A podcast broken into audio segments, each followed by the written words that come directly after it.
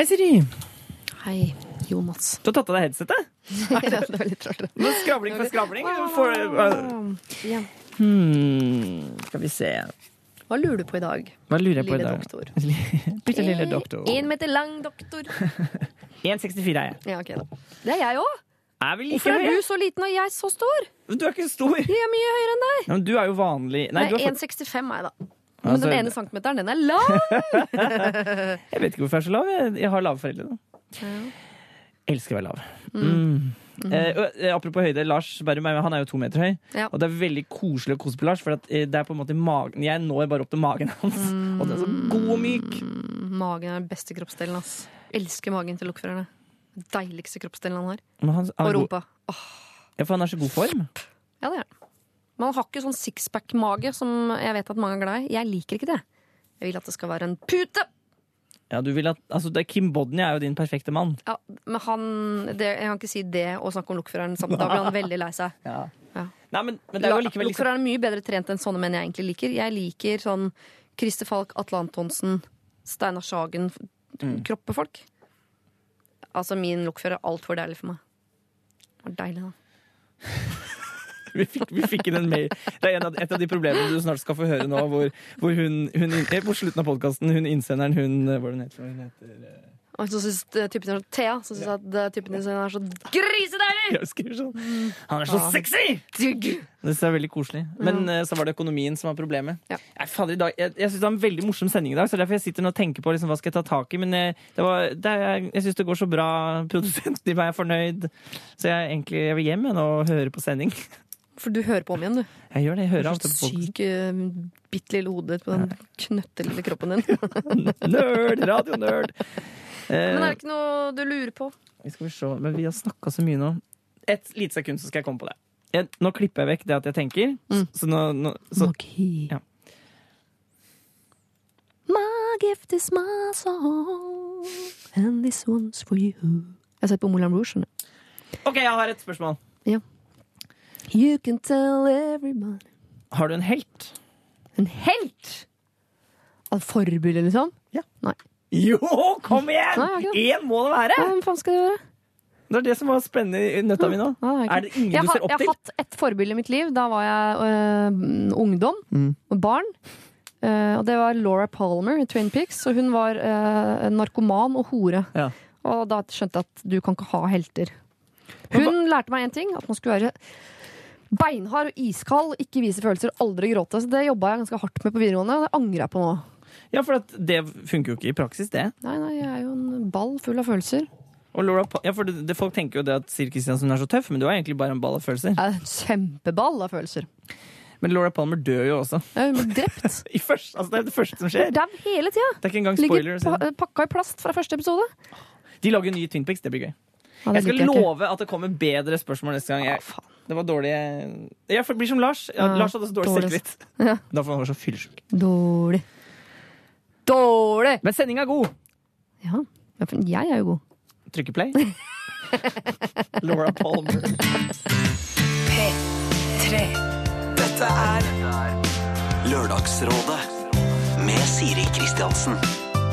På P3. P3. God, morgen, kjære Lørdagsrådet-lytter og NRK-lytter og P3-lytter og i det hele tatt. Ganske ofte hit eh, til Lørdagsrådet så får vi inn eh, mail fra folk som lurer på hvem skal med. Og Det kan dreie seg om en fest, det kan dreie seg om en vennegjeng som skal til Syden, men helst ikke hun. Det kan dreie seg om en reunion, det kan dreie seg om bryllup, ganske ofte bryllup i hvert fall. Hvor det handler om at noen vil invitere noen, men så er det noen man ikke vil invitere. Hvem skal få lov til å være med, osv. Det er en ganske kjent problematikk her i Lørdagsrådet, og i livet for øvrig. Og jeg tenker litt på det fordi eh, både på barneskolen og i barnehagen og sånn, så får man hjelp til det greiene der. Da er det noen regler som prøver å, å oppdra oss til å bli skikkelige folk. Og disse reglene går på at alle må inviteres, men det er lov å sette en grense der du kan invitere alle guttene eller alle jentene, eller alle. Noen andre, eh, altså noen andre måter å dele opp på er faktisk ikke lov. Og man skulle tro at år på år på år på dette her eh, setter noen spor i oss mennesker, men så viser det seg at når vi slippes fri og skal klare oss på egen hånd, uten regler og ordentlig voksne folk som forteller oss hva folkeskikk er, ja, så klarer vi ikke å gjennomføre det. Plutselig sitter vi der da og blir mer smålige og tenker Nei, ikke hun, ikke han, ikke de. Selv om egentlig så tenker jeg inni eh, bunnen av mitt hjerte at alle skal med. Hvis du skal invitere, så skal alle være med. Og det er så lett å mene, og det er så lett å si, og så plutselig kommer man i en situasjon hvor Nei, men jeg har bare plass til fire stykker rundt bordet, eller åh, jeg hadde bare lyst på en rolig kveld, eller åh, jeg hadde bare lyst til å snakke med de om dette, og jeg vet at hvis den kommer, så må vi snakke om det. Og så blir det plutselig mange sånn tråder inni hodet som er helt umulig å klare å knytte sammen til noe som eh, blir fornuftig. Så da begynner man da skal ta hensyn. Og skal man da ta hensyn til seg og hva man vil selv? Det er jo min fest, det er jo jeg som inviterer, det er jeg som lager maten. Eller skal man ta hensyn til hun som aldri blir invitert, eller han som akkurat har blitt dumpa, eller de som bor så langt unna at de aldri er med på noe gøy? Eller skal man ta hensyn til hvem som fungerer best sammen? De er jo veldig gode venner, og da blir det alltid god stemning. Men når hun er med, så blir det ikke det. Men han er jo veldig god kompis med han. Hvem skal man ta hensyn til? Seg selv? Eh, enkelte mennesker? Det svakeste ledd? Gruppa? Eller skal man gå tilbake til det man egentlig har lært, nemlig det man lærte når man var barn? Hvis du inviterer, så skal alle inviteres. Ah! Jeg vet ikke. Dette er problemer eh, jeg vil tro at alle dere som hører på, på et eller annet tidspunkt har hatt. Og jeg skulle ønske at noen av dere på et eller annet tidspunkt faktisk klarer å gjennomføre det jeg jo tenker, men ikke gjør. Hvis du skal invitere, så inviter alle. Om det så er Syden, fest, bryllup eller hva enn det måtte være. Første råd ut altså fra Lørdagsrådet her eh, i dag, og det kom bare fra meg. Snart så blir vi tre til som skal gi råd. Det eh, må bli fantastisk. Lørdagsrådet På P3. P3 Snart får jeg rådgivere på eh, plass, men jeg vil ta deg med to uker tilbake i tid, hvor jeg satt her sammen med Ida Fladen, Leo Ajkic og Janne Rønningen. Vi prøvde å gi gode råd i de tre timene vi skal, vi, og et av, et av problemene vi fikk inn, var fra en som kalte seg for sur og sarkastisk kjerring, som hadde en eh, venninne som hadde blitt coach. Selv var hun skeptisk til hele coachbransjen, eh, var ikke noe spesielt begeistret for coach, eh, men det denne venninnen og coachen hadde gjort, var å gi henne i bursdagsgave billetter til et slags stort coach-event. Og ikke bare ga hun én billett, sånn vil du komme og se hva jeg driver med, men hun ga hun masse billetter.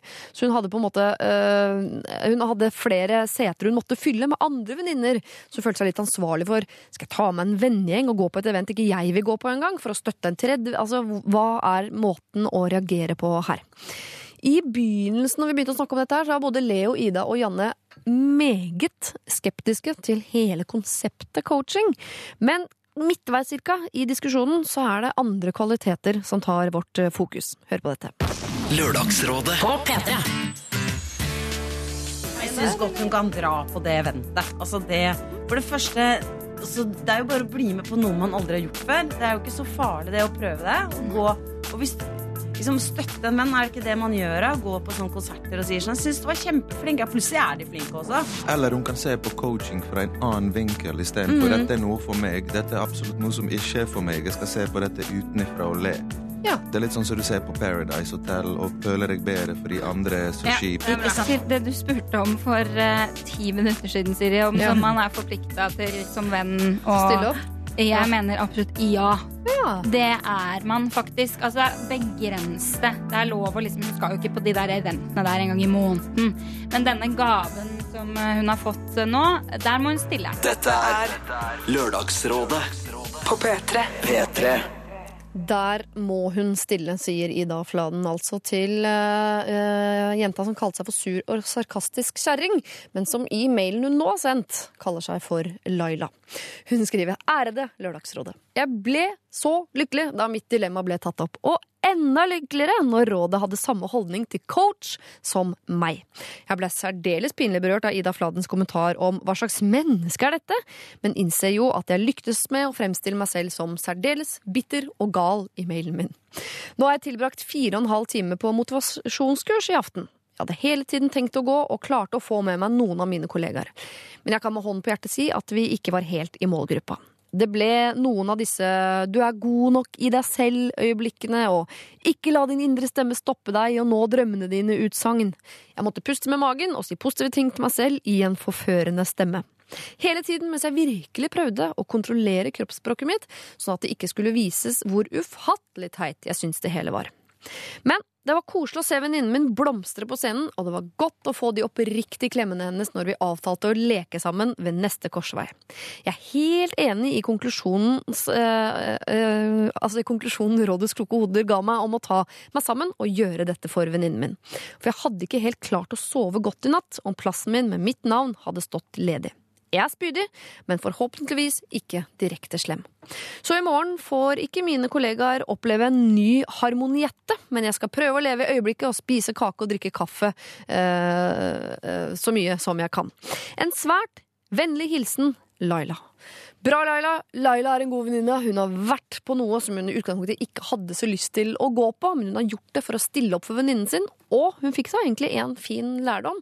Hun så venninnen sin blomstre på scenen, og det må jo være verdt noe. Dette er P3. Oral B sammen med Mr. Pimp Lotion og låta eh, om til eh, Trump. Før det The Chainsmokers sammen med Halsey og låta da Closer. Eh, veldig gøy at Oral B har blitt eh, lista, syns jeg. Hva tenker du, Silje Nordnes? Jeg syns låta er kul. Ja. Ja, eh, jeg, liker, jeg, jeg jo liker jo Oral B veldig godt. Ja. Jeg liker den litt sånn harde biten. Jeg liker hard hiphop. Litt uventa kanskje, men eh, det er min favorittsjanger for tida. Hard hiphop er favorittsjangeren, ja. Det er lett å danse til. Det er ikke, liksom, man kan ikke ta feil av takta. Nei.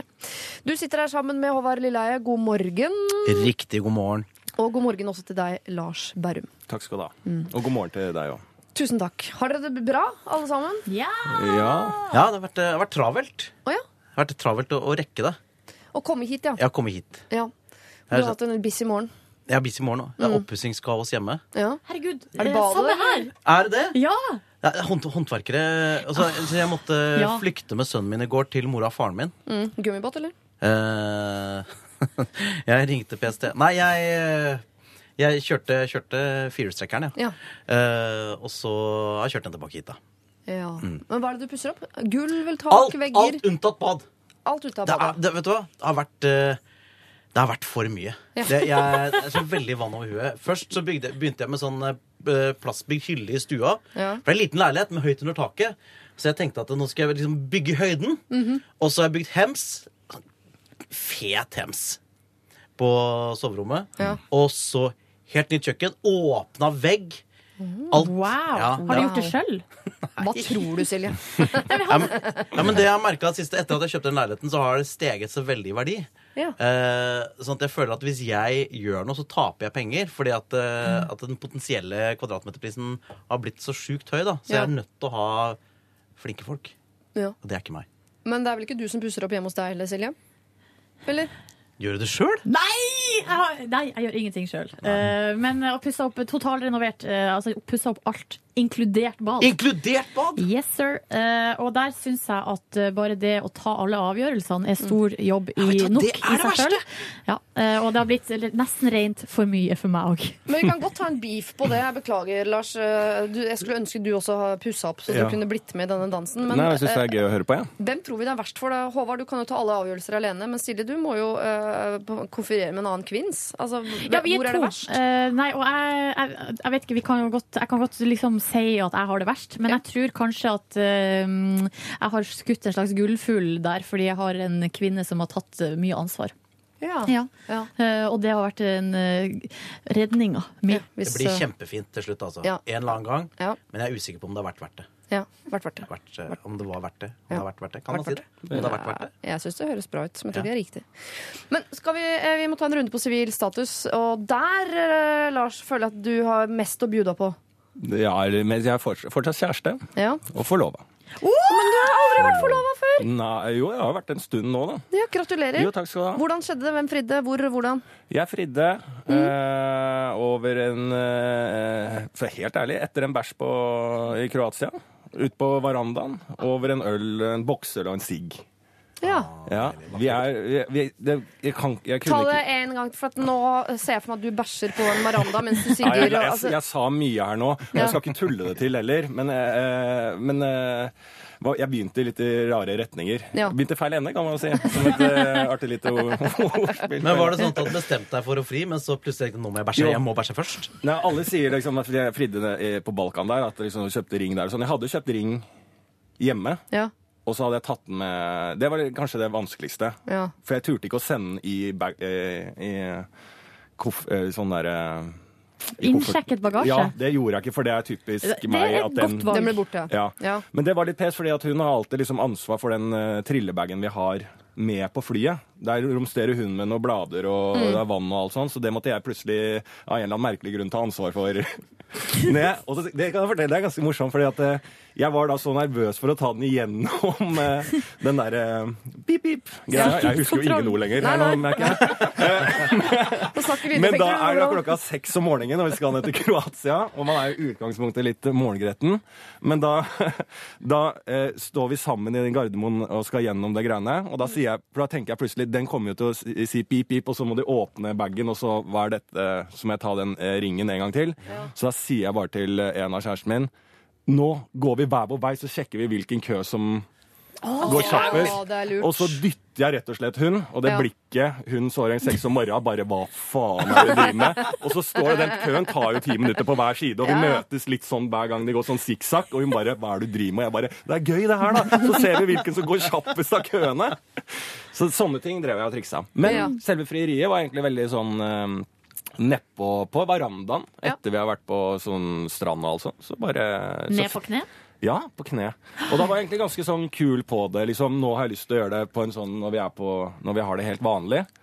Eh, og så satte jeg meg ned eh, Jeg må på knær, ja. Eh, jeg sa at jeg hadde en overraskelse, så jeg måtte lukke øynene. Og så satte jeg den på knær, og så tenkte jeg liksom nå er jeg helt rå på det her, liksom. Men da begynte jeg å eh, skjelve og, og grine og liksom sånn. Og tok selvfølgelig, ikke sant, når jeg åpna ringen, så bare var jo faen ikke ringen der. For jeg hadde tatt og åpna boksen feil vei. Ikke sant? Alle de, og det er ganske lett å gjøre med sånne giftering. Jeg er er første gang jeg har en gifteringboks, men de er de åpner seg motsatt vei av det logiske. Fordi at den tynne Litt sånn som mobilcoverne fra Claes Olsson. Ja, litt sånn. Så det er et sånn eh, tips at man må gjøre hvis man, vil, hvis man har lyst til å åpne riktig vei, da. Men du, hva, eh, hva svarte hun? Bare ja? Eller for at dette er øvd på mitt hode hva jeg skal svare for at det skal bli like fint? Sånn, selvfølgelig vil jeg tilbringe resten av livet med verdens beste mann? Eller var hun bare på ja, OK, Og nei, yeah. hun grein, hun også. Så Ja. var det liksom ja, og så Og så røyker man opp røyken og Ja. tok siste slurk av ølen, da. Og så hadde det fint. Ja. Så er livet som før, bare at man er forlovet? Ja. Nært og fint. Ja, det er så vakkert. Kjapt Silje og Håvard også. Silje, du, er det noe nytt annet enn at du har kjæreste, dere bor sammen, pusser opp? Er det noe Nei, på altså, sivilstatusfronten du må legge til? Det, det siste, det aller nyeste, er at vi for to dager siden tilbrakte første natt i vår nye felles bopel. Ja. Så det er jo liksom ja, en milepæl, vil jeg påstå. Gratulerer. Tusen takk for det. Og vi har overlevd oppussinga hittil. Ja, Det er ofte det som tar knekken på folk, men det kan også bringe folk nærmere hverandre. Jeg vil si kom et styrket ut av det. Og Håvard, jeg husker ikke uh, Hva er det du ikke husker? Jeg husker at du har kjæreste, men jeg husker ikke om du hadde det forrige gang du var her. Nei, jeg husker ikke jeg heller. Men du har i hvert fall kjæreste. Ja, ja, ja, kjæreste, ja. Ja. ja. Så. Det tror du var singel. Ja. Eller tror ikke du var det, men du var, altså, du var litt hemmelighetsfull på det, bare. Så da tror jeg det var jeg meget ferskt. Åh, Ja, ja. Nei, men vi jeg, jeg har også kjæreste. ja. Jeg vil gjerne si det. Jeg har kjæreste. Og, eh, og hun har også hun har også flytta sånn halvveis inn. ja på Hemsen. Men hun har fremdeles en egen bopel eh, tilgjengelig. Ja. Eh, og det har vært litt bra nå i oppussingsperioden. Men, men ja. Ja. Ja. Så det er, det er så koselig, da. Men alle har det bra. Man har fått seg kjæreste, flytta sammen, forlova seg. Altså, det er jo en fest, dette her. Jeg vet ikke om jeg kan si det samme om alle vi skal treffe i dag. Det er jo mye problematikk eh, både her og der. Jeg vet at vi helt sikkert skal innom eh, situasjoner der folk ikke er like lykkelige som det dere er, så dere får prøve så godt dere kan å sette dere inn i andres situasjoner der ting ikke er helt på stell. Hvis du har et problem, du som hører på, eh, så send det inn til denne lykkelige gjengen som helt åpenbart har fått det til. Men jeg har vært ulykkelig før. Ja, ja, Masse. ja. Vært masse erfaring det Samme her. Samme her. Eller alfagrøll nrk.no.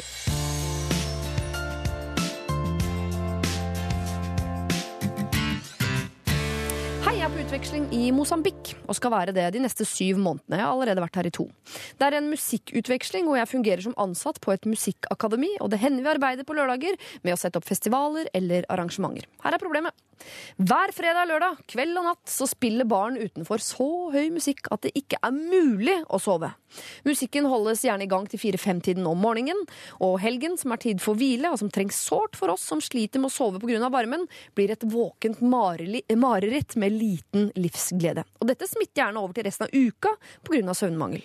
Offisielle regler sier at musikken skal dempes klokken 22.30. Men sjefen vår sier at de sannsynligvis har bestukket visse folk for å slippe dette reglementet. Så hva gjør jeg da? Skal jeg trampe ned dit i håp om å få dem til å dempe seg? Skal jeg ringe politiet, som er korrupte, by the way? Eller bare leve søvnløs ut året? Å sove med egen musikk i ørene er ingen løsning for meg. Hilsen Åsmund 21. Altså, Dette er jo nabobråk, men du er et fremmed land. Du kan ikke ty til politiet, og uh, folk er korrupte, og øh, det er allerede altså, rykter om bestikkelser. Hva gjør man da? Eh, for ei knipe. Kan fl- flytte. Man skal gi opp de syv månedene etter to flytte måneder? en annen plass i, i, altså, i byen. Jeg syns det høres farlig ut, det. Ja, du Å ble litt gå redd, du. ut uh, Hvis det er noen som allerede har bestukket politiet, Mm. og så går du ut og lager eh, svært nummer Du kan jo altså Han kan jo bruke selvfølgelig norske oljepenger på overby. Eh, så betaler politiet mer penger. Ja. Eh, Men han er jo student, så han har ikke, han har ikke sånn direkte link til, i den, eh, i fondet. Nei. Eh, nei, var veldig krevende problemstilling. Veldig langt unna alt jeg har vært borti i eget liv, altså. Ja, men samtidig, eh, her må man jo bare på en måte ty til de menneskelige egenskapene man har. Og ikke, man kan ikke ta i bruk andre instanser enn god gammeldags dialog mellom mennesker. Men jeg skjønner at du blir litt redd. Han foreslår skal jeg trampe ned dit i håp om å dempe seg. Jeg lurer på om jeg, Hvis jeg hadde vært Åsmund, 21 fra lille Norge, hadde hatt problemer med å trampe ned dit og si unnskyld, kan dere være stille? Ja, for det er jo også levebrødet antageligvis til bareierne. Eh, og de, de, de gjør det vel ikke bare sånn for å irritere naboene, de gjør det vel fordi at jo lenger de spiller høy musikk, jo mer eh, øl får de solgt. Ja. Eh, og mer penger i kassa, regner jeg med. Ja. Sånn at eh, så, ja, det er jo tydeligvis folk der òg, hvis ikke så hadde de ikke giddet. Det er jo folk Nei. der hver dag til fire-fem om natta, så folk jo aldri- liker jo dette stedet. Ja, jeg har jo aldri bodd på dette kontinentet. Nei. Eh, så, så do's and don'ts det, det, Jeg har så veldig lav eh, sånn kunnskap om det. Men det f føles som om det er eh, noe han ikke kan gjøre noe med. Ja, det, hø Ja, det jeg høres litt håpløst Ja, ut. jeg, tror, jeg tror at han må flytte til en annen adresse. Ja, Hvis det er veldig plagsomt, så tror jeg eh, du får ikke gjort noe med det. Eller hvis du, skal, hvis du prøver å ta det til eh, mer hjemlige trakter, da. Mm. Hvis, du har, hvis du bor ved en, en bar, en pub, et utested som har eh, avtale om at de får lov til å spille musikk til tre da, Mm. eh, hver dag. Så spiller de. Så spiller de til tre. Ja, ja, Eh, hvis- Så du får ikke, får ikke gjort noe med det i Norge heller. Nei, hvis trikken kjører forbi, liksom 17-trikken dundrer Ja. forbi hver tiende minutt eh, fra liksom tidlig på morgenen til sent på kveld hver eneste dag, så får du ikke gjort så mye med det heller. Nei. Eh, altså jeg tenkte den der eh, Det går jo an altså, han, Hvis han har hørt rykter om korrupsjon, så skader det jo ikke å ringe til eh, myndighetene og si her i vårt nabolag eh, så er det sånn og sånn. Eh, det, altså, det, det er jo ikke Jeg vet ikke Du blir så upopulær. Altså, tenk det Altså, du er utvekslingsstudent. Ja. Da har du gått inn i en sånn varslerrolle og ringer til feil person da. Mosambik, Nei, og så bare Hvor farlig kan det være? Altså, jeg tror ikke det, det kan umulig være Ja, tenk- så farlig hvis han bare ring, hvis han ringer og sier Ja, men tenk så upopulær hvis han får gjennom det, da. Og får eh, stengt av det eh, spillinga.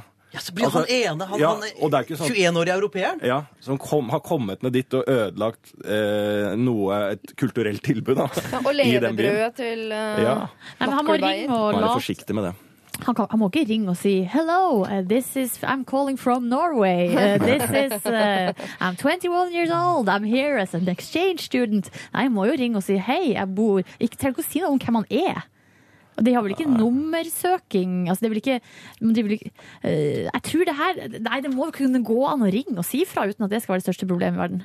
Ja. Hvis han vil, jeg vil advare mot det. Fordi at det, det er fort gjort eh, liksom sånn så går uh, jungeltelegrafen lite grann, så er han han fyren. Mm. Eh, nå vet jeg ikke størrelsen på området akkurat der han bor, liksom, men plutselig så er det sånn Å ja, det er han som Ja, hvis eh, de har bare herpa én nabo, så, Ja. så er det ganske åpenbart at det er han. Jeg tenker at Her får ikke Åsmund gjort noe særlig med uh, Han får ikke gjort noe med myndighetene, at ting er korrupt. Han får ikke gjort noe med dette utestedet. Han får ikke gjort noe med musikken. Det eneste han får gjort noe med, er seg selv. Og det er det jo enten å forflytte seg selv. Ja. Eh, han kan kanskje endre arbeidstider. At Mhm. han begynner å eh, jobbe i helga sjøl. Han sitter oppe hele natta og jobber, og så har han fri eh, tirsdag og onsdag, f.eks. Eller sånn uh, sound cancelling uh, headset. Ja. Altså sånn, uh, det er jo sånn som finnes. Som jeg ikke forstår hvordan den teknologien fungerer, men du trykker altså på en knapp, og så suger et eller annet ut all lyden inni hodetelefonene. Så blir det helt stille. Han må ligge på ryggen, da. Sånn. Jeg må ligge på ryggen, ja. Så jeg kan ikke, jeg kan ikke få alt her i livet. Nei. Da blir det stille, i hvert fall. Jeg også tenker Her er det tekniske duppedingser som skal inn i bildet. Her eh, funker ikke kommunikasjon. Her funker tydeligvis ikke det offentlige. Ingenting. Jeg tror på en måte Skaff deg en eh, teknisk duppedings. Jeg kan gi et litt sånn tips, siden dette er vanskelig å gi noe tips på. Ja. Så kan jeg gi et tips, for jeg har hatt sånn tinnitus. Jaha. Eh, og noen ganger har det vært ganske sånn ekstremt. Og da lærte jeg av en lege at uh, du må, tinnitusen må bli din eh, litt sånn, som angsten man sier, da. Som må bli din venn. Du må hilse på han. Ja, du må hilse på han, og du, eller du må uh, eller den, egne, uh, den eneste måten du får det bort, er å bli liksom at det er en positiv ting.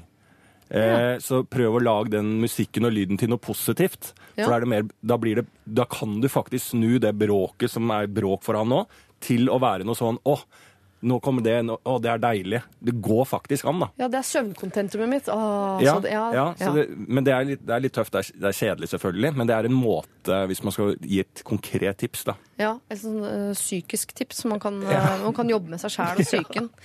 Det syns jeg du kan prøve, Åsmund. Og så må du huske det at uh, hvem var der først, sier jeg bare. Altså Hvis du har flytta til et sted med bråk, så må, er det bråket som får lov til å bli, og du som må flytte igjen. Sånn er det. Flytter du til byen, kan du ikke klage på bråk. Flytter du på landet, så kan du ikke klage på at ting er kjedelig. Sånn er det bare.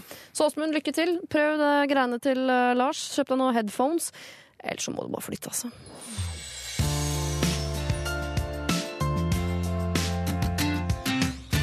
Og nå skal vi eh, treffe en som heter eh, Vegard. Han kaller seg for Vennlig Vegard, så han legger jo litt føringer her. da. Han vil at vi skal bli glad i han, så det er bare å, å flytte han inn i hjertene deres med en gang. Jeg kjenner allerede at jeg er litt varm. Og Vegard er sånn koselig navn også. Jeg ser for meg eh, vedhogging og eh, skjorte og liksom Røslig, Ja, stor og skjegg. sånn bamsekoselig. Ja, det tror jeg han er.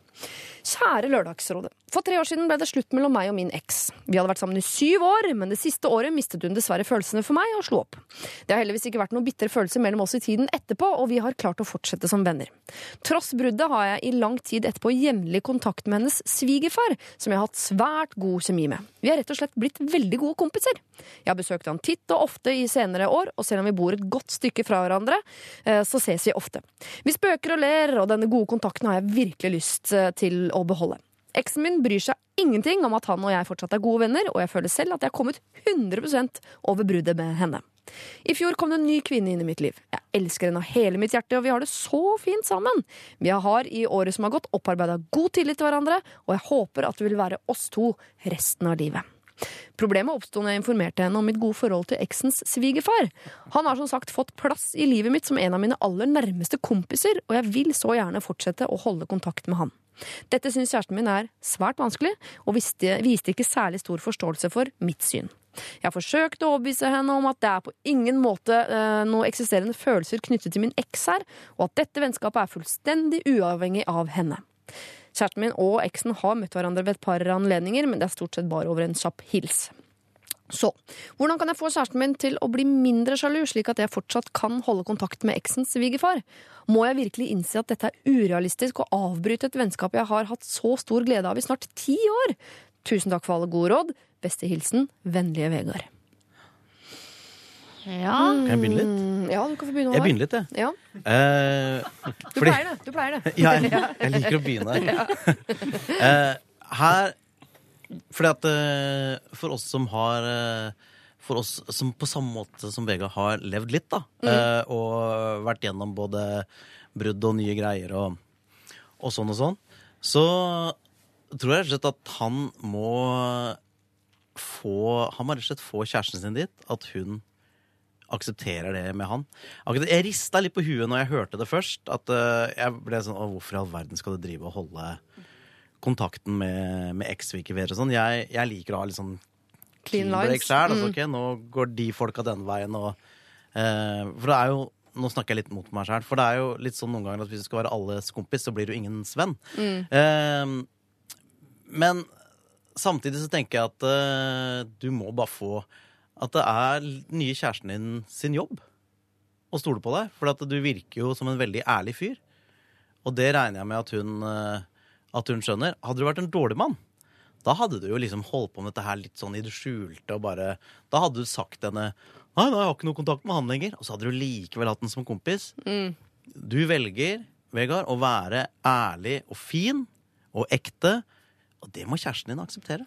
Jeg er enig. Vennlig Vegard har lagt alle korta på bordet her, må vi bare gå ut ifra. Men ny kjæresten til Vennlig Vegard vet jo ikke at han har lagt alle korta på bordet. Han kan jo ha to-tre kort til han som han har gjemt i baklomma, og der står det sånn 'elsker henne fortsatt litt', 'håper at det blir oss allikevel'-aktig. Men da er det litt sånn spesielt, for han, sier, han legger jo på en måte premisset om at eh, de to eh, det er- så flott og det går så bra, og de har en kjempestor tillit til hverandre osv., osv. Men så er det jo et eller annet som på en måte mangler litt. Ja. Hvis hun ikke stoler på han, da, i, eh, når, hun, når han på en måte legger alle kortene på bordet og sier at uh, jeg er bare venn med han, og det handler ikke om at jeg skal uh, få, få kontakt med eksen igjen. Ja, for de har vært sammen, Det er jeg litt enig med Silje, for de har vært sammen eh, en liten stund, sa han, Ja. han leve. I et år hadde de liksom. det er og ganske da, ja. ja, og da må, da må de ha kommet dit. Uh, Det er jeg helt enig i at er det noe som lugger fra hennes side, i hvert fall hvis han eh, er den han beskriver, Mm. som er ærlig, vennlig Vegard. Mm. Ærlig har han aldri sagt at han er. Nei, men men sånn- Han Ja. beskriver jo sin ærlighet og åpenhet også. Ja. Og så er han veldig, mye mer konkret på vennligheten, det er det jeg er enig i. Mm. Men han eh, beskriver jo dette her, og hvis han er det, så syns jeg det lugger litt fra hennes side. For hun bør jo da eh, skjønne og akseptere at dette er et vennskap.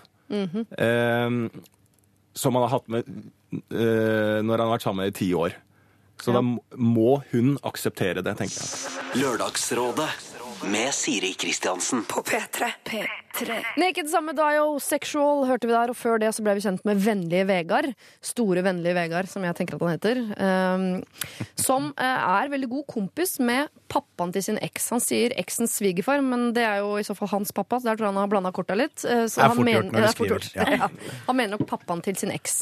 De har blitt eh, faktisk uh, venner privat, de to, og er det fortsatt. Og det vil han fortsette med, selv om han nå har fått seg en ny uh, kvinne i sitt liv som har litt problemer med det. Og alle forstår alle rådgiverne eh, har i hvert fall sagt at dere har forståelse for at hun syns det er vanskelig, men at det er hun som må eh, takle at Vegard har eh, svigerfar, altså eks Nå har du gjort det vanskelig for oss, Vegard. Eksens far eh, i sitt liv. Men eh, hvordan skal han få til at alle blir? Hvordan skal han få dette til å være greit for kjæresten? Jeg tenker Han må for det første passe på hvordan han snakker om eh, faren til eksen sin på, eller måten han snakker om han på. Eh, og at i hvert fall så er hans datter, altså eksen, er ikke en del av eh, Altså hun må ikke nevnes. På en måte. Fordi at, så han, Vegard sier jo her at uh, hun er ikke en del av på en måte, den, det vennskapet. eh, Nå i hvert fall. Hun er ute av, uh, av ligninga. Og da må han også være veldig bevisst på hvordan han Og så kan i hvert fall i en periode, for å liksom skape den tilliten. For det er jo Her har jo dama hans en tvil. Sånn at, mm. så, så her må jo han Jeg tenker at han må på en måte prøve å strekke seg litt for å liksom hjelpe henne ei stund. Det, det jeg tror kan være vanskelig, da, det er at eh, Tenk om Vegard og eh, hans nåværende dame på et eller annet punkt senere, som veldig mange forhold har, går gjennom litt sånn røffe tider. Og så tenker hun nå skal han dra til gamle svigerfar. Nå kommer han til å snakke om det som er vanskelig mellom oss. Mm. Og så kommer svigerfaren til å snakke med dattera si om det. Mm. At det jeg, jeg skjønner jo at det er litt sånn Det, det er jo en kinkig potensiell problemstilling. Mm. Eh, men her det, det er bare tillit som hjelper oss. Det, det, kanskje sette opp noen tydelige kjøreregler, da. Jeg tenker, det er noen ting som gjør det verre her. Altså, som eh, representant for foreningen Fortidssjalue, eh, som jeg jo eh, har stått ganske sånn hardt i med begge beina eh, lenge, så skjønner jeg at det er vanskelig. For jeg, jeg mener jo at når du slår opp, så slår du opp ikke bare med den du slår opp med, men du slår opp med eh, vennegjengen og familien. Altså du slår opp med hele pakka. Det er ikke sånn at eh, Jeg liker ikke akkurat deg lenger, men broren din og mora er ganske hyggelig, så jeg beholder de. Det er ikke noe sånn, Du kan ikke gå inn i en religion og hente ut eh, en gud og to stoler, og så går du videre, på en måte. Du må på en måte enten så er det dere, eller så er det ikke dere. Jeg liker liker også å gjøre det på den måten. Men samtidig her er det jo Det er fordi jeg aldri har opplevd at plutselig et eller annet familiemedlem av en eks er så fantastisk at det blir min private venn, uten at vi trenger den koblingen imellom. Så jeg bare, jeg synes det er vanskelig å sette seg inn i, fordi jeg, jeg har aldri opplevd det selv.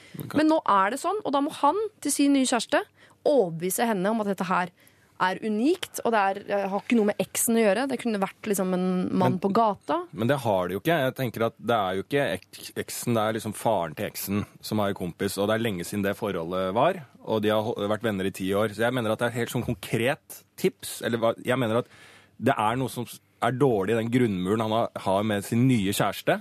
Når det er tvil fra hennes side om uh, dette forholdet med faren til eksen. Det syns jeg er et dårlig utgangspunkt for et forhold. da. Hvis han sier sånn OK, da uh, sier jeg ha det bra til han eh, pappaen som jeg er så god venn med, så er ikke det noe han syns er heldig i livet sitt heller. Så da starter hele forholdet på et sånn dumt kompromiss over noe tillit. Og akkurat i, i tidlig et forhold så mener jeg der skal det ikke være spørsmål rundt tillit, i hvert fall når det handler om faren. Ja, men det 1000% uenig, for det er jo eh, tillit tar tid, tenker jeg. Så i begynnelsen, i hvert fall igjen som fortidssjalu, idet jeg ble sammen med eh, lokføreren, så syns jeg jo alle han hilste på på Kiwi, alle jenter, tenkte jeg sånn Har de pult? Er det der eksen? Hvem er hun? Er og helt sånn. Da er du ganske gæren, sier Ja, jeg. det men inni jeg jeg sa ikke disse tingene. Vet du. Jeg tenkte det inni meg. gæren så, ja, ikke sant? så ikke jeg kverte kattunger på privaten. Og så, ja, men, også roer man seg jo ned. Man roer seg jo ned etter hvert. Man blir mer og mer trygg på kjæresten. Mer og mer tillit kommer inn. Man skjønner mer og mer at det der er ikke en trussel. Han er ikke en sånn fyr. Og, man, og til slutt nå må jeg, kan jeg innrømme at nå har jeg stemplet meg selv ut av Fortidssjaluforeningen. Har ikke et snev av det. Så jeg tenker at det at det er tidlig det er ikke begynnelsen av store mest på hverandre. Men siden du, siden du nå har vært eh, så utrolig aktivt medlem i denne foreninga, Siri, hva, tror, hva er det hun trenger? Tid. Tid og kommunikasjon, eller? Det er alltid et godt råd, har jeg lært. Tid og penger. Tid, tid, og han må bare fortsette å være uh, veldig tydelig på at denne eksen ikke betyr noen ting. Og det betyr ikke at han skal snakke om det hele tiden, for man vil ikke, høre, man vil ikke vite om den fortiden. Men man vil tenke at du har aldri klina, pult eller vært forelska i noen andre mennesker enn meg. Jeg var den første. Dette er helt rent. Det er bare oss to. ja, men hadde, det det vært, hadde det vært eksen han var venn med, så er jeg helt enig i det argumentet der. Men dette er faren. Jo, men når han Så sier det er- faren, så tenker hun eksen. For hun Ja, klarer ja, ikke å få bilder Hun av faren. har, hun har jo faen meg et ansvar, hun eh, dama der òg, til å bygge et forhold. Må jo- Absolutt. Men da, sant? da må hun få tid. De har ikke vært sammen i et år engang. Så Et år er jo kjempelenge. Da, liksom, da mener jeg at ting bør bli eh, satt, da. Ja, det Ja, jeg mener at hun har et lite ansvar der også, eh, på å få, få det forholdet solid, som det jeg kaller en grunnmur. da. Mm. Og det må jo hun gi av seg sjæl på også. Og dette er snakk om fa eksens far, ikke eksen. Det er en helt annen greie. ja, to, og et halvt brukte, to og et halvt år brukte jeg ganske sånn nøyaktig Kanskje vi på, halvt kanskje vi på akkurat dette, denne problemstillingen her kan få de to i studio? Og snakke med Jo, men jeg tror at eh, kjæresten til eh, vennlige Vegard kommer eh, ettersom tida går til å skjønne at eh, dette er bare tull.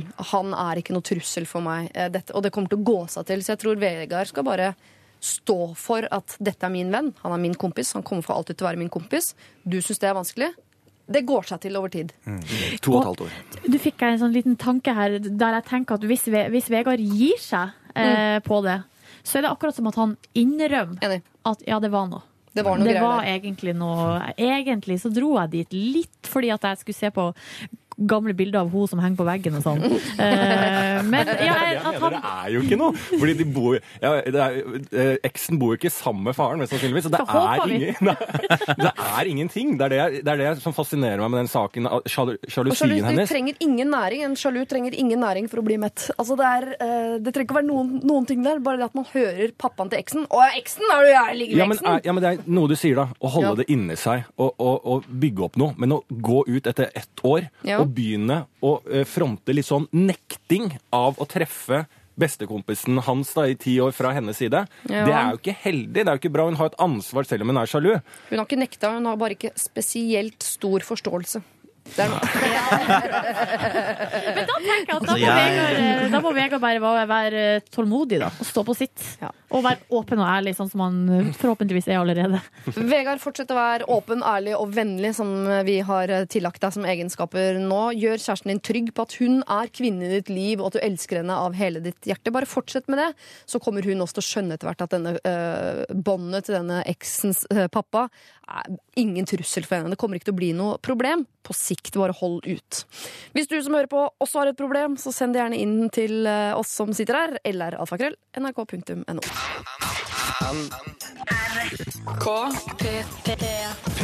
P3. Denne gangen er det Miriam som har et problem som oppsto for ti minutter siden. Jeg kjenner fortsatt at hjertet banker eh, fort, og skyldfølelsen har lagt seg som en klump i magen. Bakgrunnen er at min mann for mange år siden eh, var innom P1 Pluss-radioprogrammet Salmer til alle tider i arbeidsmedfør. Han fikk i den anledning en kopp fra dette programmet. Denne koppen har han fra dag én blitt svært knyttet til, da han tidligere hørte mye på dette programmet. Han mener dessuten at den har en perfekt fasong for en kaffekopp. Denne koppen har på et vis blitt noe av det særeste han eier, da det er den eneste eiendelen han har som han aldri deler, eller trenger å dele med andre familiemedlemmer. Den er bare hans. Og han bruker den når han en sjelden gang har mulighet til å nyte kaffen sin i fred og ro, uten barn hengende i beina på han. Det er nesten så man kan se at freden senker seg over han idet han tar denne koppen. Problemet er at da jeg vasket opp i stad, så knuste jeg denne koppen. Nei! Jeg er ganske klumsete av meg, og det er ikke den første koppen jeg har knust. Nå vet jeg ikke hva jeg skal gjøre. Min første reaksjon var gjemme den bort, for så å gi meg litt tid til å tenke på hvordan jeg skal legge fram at koppen er knust. Eventuelt bare gjemme den bort og sette min lit til at uh, ute av øye er ute av sinn. Eller skal jeg si det? Hvordan skal jeg si det da? Hvordan skal jeg ta det opp? Midt i middagskaoset, slik at han har tid til å ta det inn over seg? Eller ikke har tid til å ta det inn over seg? Eller i kveld etter at barna har lagt seg? Burde jeg gi ham noe annet? En gave? Det er så vanskelig, for han er i utgangspunktet minimalt opptatt av ting og gaver. Det har liksom bare vært denne koppen. Hilsen Miriam. Du må skaffe ny kopp. Ja, har På en eller annen måte. Koste hva det koste vil. Altså, altså ring programskaperne, forklar. Eh, jeg vet ikke hvor hun er i landet, men, eh, men altså bare kjør. se- Sende P1 pluss herfra. Ja, det er jo på hun. det er jo Det er på det er på huset. huset. Ja, da, da må du bare kjøre inn til Marienlyst. Du, må- du må møte opp. Ja. Og du må, du må, ta, du må ta turen. Ja. For dette Men det- greia er at ja. Program får jo nye kopper, så det kommer nye kolleksjoner av kopper. Det kan hende at akkurat denne kolleksjonen er ute. Men kan ikke du da, Siri, eh, sende mail til, hvis du har sånn internmail her i NRK, til PM+. Ja. Bare gi et forsøk. Jeg sier ikke at du skal jobbe ræva av deg. Jeg får et blikk av deg nå at Altså, eh, det jeg legger på arbeid.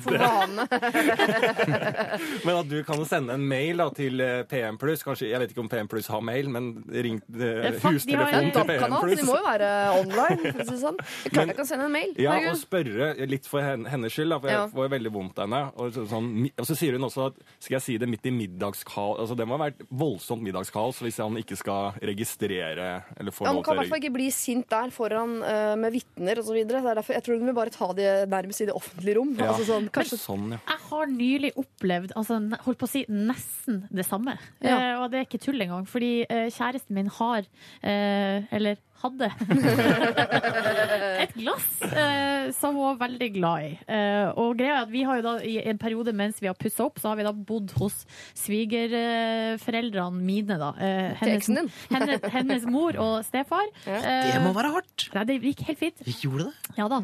Eh, og hun er såpass glad i drikkekvali altså kvaliteten på måten man drikker fra akkurat det her glasset, at Oi. det hadde hun med dit. Oi. Eh, ja, og vi har også snakka om hvor godt det glasset er å holde i. eh, og hvor perfekt størrelse det er, for du får perfekt mengde vann. Har Det hun er med glasset på besøk til folk? Nei, men vi har jo bodd der i tre måneder. Ja, så det er ikke sånn Hvis jeg hadde invitert dere hjem med et par glass, så hadde kommer hun med glasset. Nei, nei, nei, I hvert fall ikke nå. Nei. I hvert fall ikke nå. Og det er altså et glass som, eh, som så vidt jeg har forstått det, eh, kom, kom til Norge, holdt på å si, og vært på eh, Amerikabåten. en Suvenir fra eh, skitur i Alpene. Og eh, her er jeg hjemme en dag alene, eh, der hos svigerforeldrene mine. Holdt på å styre og ordne. Gjorde egentlig noe snilt? Støvsuga. Ja. Og så kommer jeg borti glasset. Så det detter ned i gulvet i tusen knas. Og det jeg gjorde, som eh, altså Miriam her kan gjøre hvis hun er kjapp, Mm. ringte med en gang. Med en gang ringte jeg. Mens jeg ennå hadde Mens hjertet dunka og hadde tårene i øynene. Og ringer jeg, og så bare Så hun hører hvor knust du, du gjort, også er. jeg har gjort noe dumt. Ja. Jeg har gjort noe dumt. Og da så sier hun 'hæ, hva er det som skjedde?' Jeg har knust glasset. Og det var helt ekte. Altså, jeg var utrolig opprørt. Men da, da gikk, det, gikk jo, det gikk jo bra. Ja, for det som er Fordi det var det et glass. Et, det jeg tror du gjorde der, eh, som er genialt også, Silje, er at du bygger opp til noe enda verre. Sånn, Mm. Når du ringer kjæresten og sier 'jeg har gjort noe dumt', jeg har gjort noe dumt, så tenker man sånn 'hvem har du ligget med hvor mange ganger'? Og så er det snakk om en kopp. Da blir man så glad. Ja. Jepp, jepp, jepp, jepp. Så Miriam, kanskje du skal bygge opp til at du har gjort noe enda verre, sånn at han blir letta når det viser seg at du har knust denne koppen. For ja, selvfølgelig kan hun skaffe en ny kopp, jeg kan skaffe en ny kopp, alle kan skaffe en ny kopp. Men det handler om hva skal Miriam si til kjæresten sin når hun har ødelagt det kjæreste han har, bortsett fra barna og henne selv, antagelig. da. lite sånn kanskje, kanskje den er litt sånn slu, at man, eller litt sånn fin, da, fiffig, Mhm. er at du eh, Fordi han fikk jo denne koppen ved PM pluss noe salmegreier. Mm. Det er jo veldig opptatt av tilgivelse innen eh, Ja, ja, Sånn ja. til bibelske sitater, ja. Absolutt. Absolutt. Bare sånn, før jeg, sier, før jeg skal si den beskjeden her nå, så har jeg lyst til å lese en, et lite utdrag fra Bibelen. Korinterne. Og, så, og, og uh, forståelsen hvor denne koppen kommer fra, hva den har med seg, Ja. er veldig mye bibelsk i den koppen. Ja. Og den står for tilgivelse, og det håper jeg også du, min kjære mann, kan gi meg, for jeg har knust koppen din. Det er veldig gøy, men det hun tar bort da, er at da er hun over i kalkulerende land, og den desperasjonen som Silje brakte med seg, den er borte, så da virker det ikke like ekte. Så jeg Ja. lurer på om man skal gå for mer ekte enn utspekulert Ja. i tilnærmingen. Mer, mer Johaug enn Hillary Clinton. Absolutt. Ja. I enhver sammenheng. Vet, vet, vet, noe sånt skjer med meg. Sånne ting, når ting holder på Når noe holder på å bli ødelagt som ikke kan bli ødelagt. Altså jeg gjør noe sånn dumt som får konsekvenser, så er det akkurat som jeg Da får jeg en sånn eh, fysisk følelse som om noen slår meg på nesa. Au. Som bare sprer seg i eh, Det er så fysisk for meg. Noe sånt skjer, så jeg kan eh, sette meg veldig inn i, inn i hvordan hun har det. Ja. Og jeg, du må bare sette hvis du, altså, hvis du setter himmel og jord i bevegelse, Mm. skaffe koppen på en eller annen måte Hvis de har sluttet å produsere den, så får du tilbake Så får du tak i det opprinnelige designet og får, og får en koppefabrikk til å lage den Ja, men Er det ikke et annet program på PM Pluss som handler om sånn Har du en duppedings til vaffeljernet fra 1972, så vil jeg gjerne komme i kontakt. Og så kommer du i kontakt med en fra Dalfør og Nordafør som har den duppedingsen til akkurat det vaffeljernet, og så møtes man og gjør dupp, og så er det sånn. Du vil spørre lytterne om det er noen som har en sånn kopp som de kan gi bort? Ja. Jeg tror det er det. Er det noen som har en sånn kopp? Og så kan jeg også se, Det er en litt sånn dårlig egenskap jeg har akkurat i forbindelse med dette her, som jeg, eh, egentlig som eh, underbygger det Silje og sånn sier, at, eh, og dere, med at vis følelse og vis at man er lei seg. For jeg, ofte når jeg gjør sånne ting, så blir jeg litt Jeg får veldig dårlig samvittighet, Mm. men jeg blir sånn Ja, men det er bare en kopp. Det må du ikke finne på å si sjæl. si det. det må Nei, han si få lov til å si. Nei. Eh, For det er jeg veldig god på. Det, å liksom prøve å Bagatellisere. jeg går hardt fra start. Før jeg har sagt at den er knust, så kan jeg si at det er bare en kopp. Hva er det, liksom? Skjerp deg! Ja. sånn. Du der borte! Skjerp deg! Ja, Jeg har knust koppen din. Det er Og det er en veldig dårlig egenskap. eh, Og det, det blir aldri heldig. Mitt beste råd til deg, Miriam, er å ikke høre på Lars. Du er nødt til å uh, bare vise hva, uh, hvor forferdelig du syns dette her er. Måk på, sånn at eh, mannen din nesten blir letta over at det bare var det som hadde skjedd. Og så sånn rent praktisk så prøver de å skaffe den koppen, og ja, jeg skal hjelpe deg. Dette er Er P3. Fra knuste kopper til potensielt knuste hjerter skal vi nå gå. Vi har hørt en liten Astrid S-låt imellom her, altså denne Hyde-låta. Jeg skulle til å si at det var min favoritt, men så kom jeg på en annen. Det er, jeg kom andreplass av Astrid S-låter. Nå ser jeg bare på deg, Silje, for jeg føler at du kjenner henne. Bare fordi at hun sikkert har vært gjest i P3 Morgen 199 Nei, jeg tror kanskje hun har vært én eller to ganger. En eller to, ja. Eh, ja. Ikke 199, altså. Nei, Nei, nei, jeg dessverre. Skulle gjerne hatt Astrid S på besøk hver dag. Ja, det tror jeg det er mange som er enig med deg i. Håvard Lilleheie, eh, Lars Berrum, vi skal til eh, en som kaller seg for Sonje 20. Kanskje heter hun Sonja, jeg vet ikke. Men det er i hvert fall det hun kaller seg i sin mail. Hvor det står Hei, kjære Lørdagsrådet.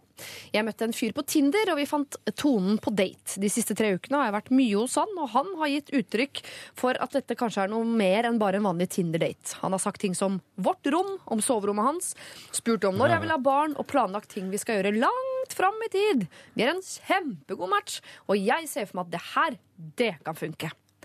Helt til i dag. Jeg var hos han mens han var på jobb og skulle bare låne PC-en hans. Facebooken hans sto åpen med to åpne meldingsbokser hvor han snakker med andre jenter. Han hadde til og med invitert den ene jenta til seg dagen etter for å sove over. Kunne ikke unngå å lese meldingene når de slo meg i trynet, selv om jeg vet at det er galt. Så hva skal jeg gjøre, da? Er det ikke litt tidlig å prøve å definere hva vi er? Jeg vil helst ikke at han skal vite at jeg har lest meldingene, siden vi ikke har definert at vi er eksklusive. Exclusive. Jeg var usikker på om jeg skulle gå for engelsk eller norsk der. Eks eksklusive. Så jeg vet ikke om eh, jeg kan mene at det han gjør, er galt.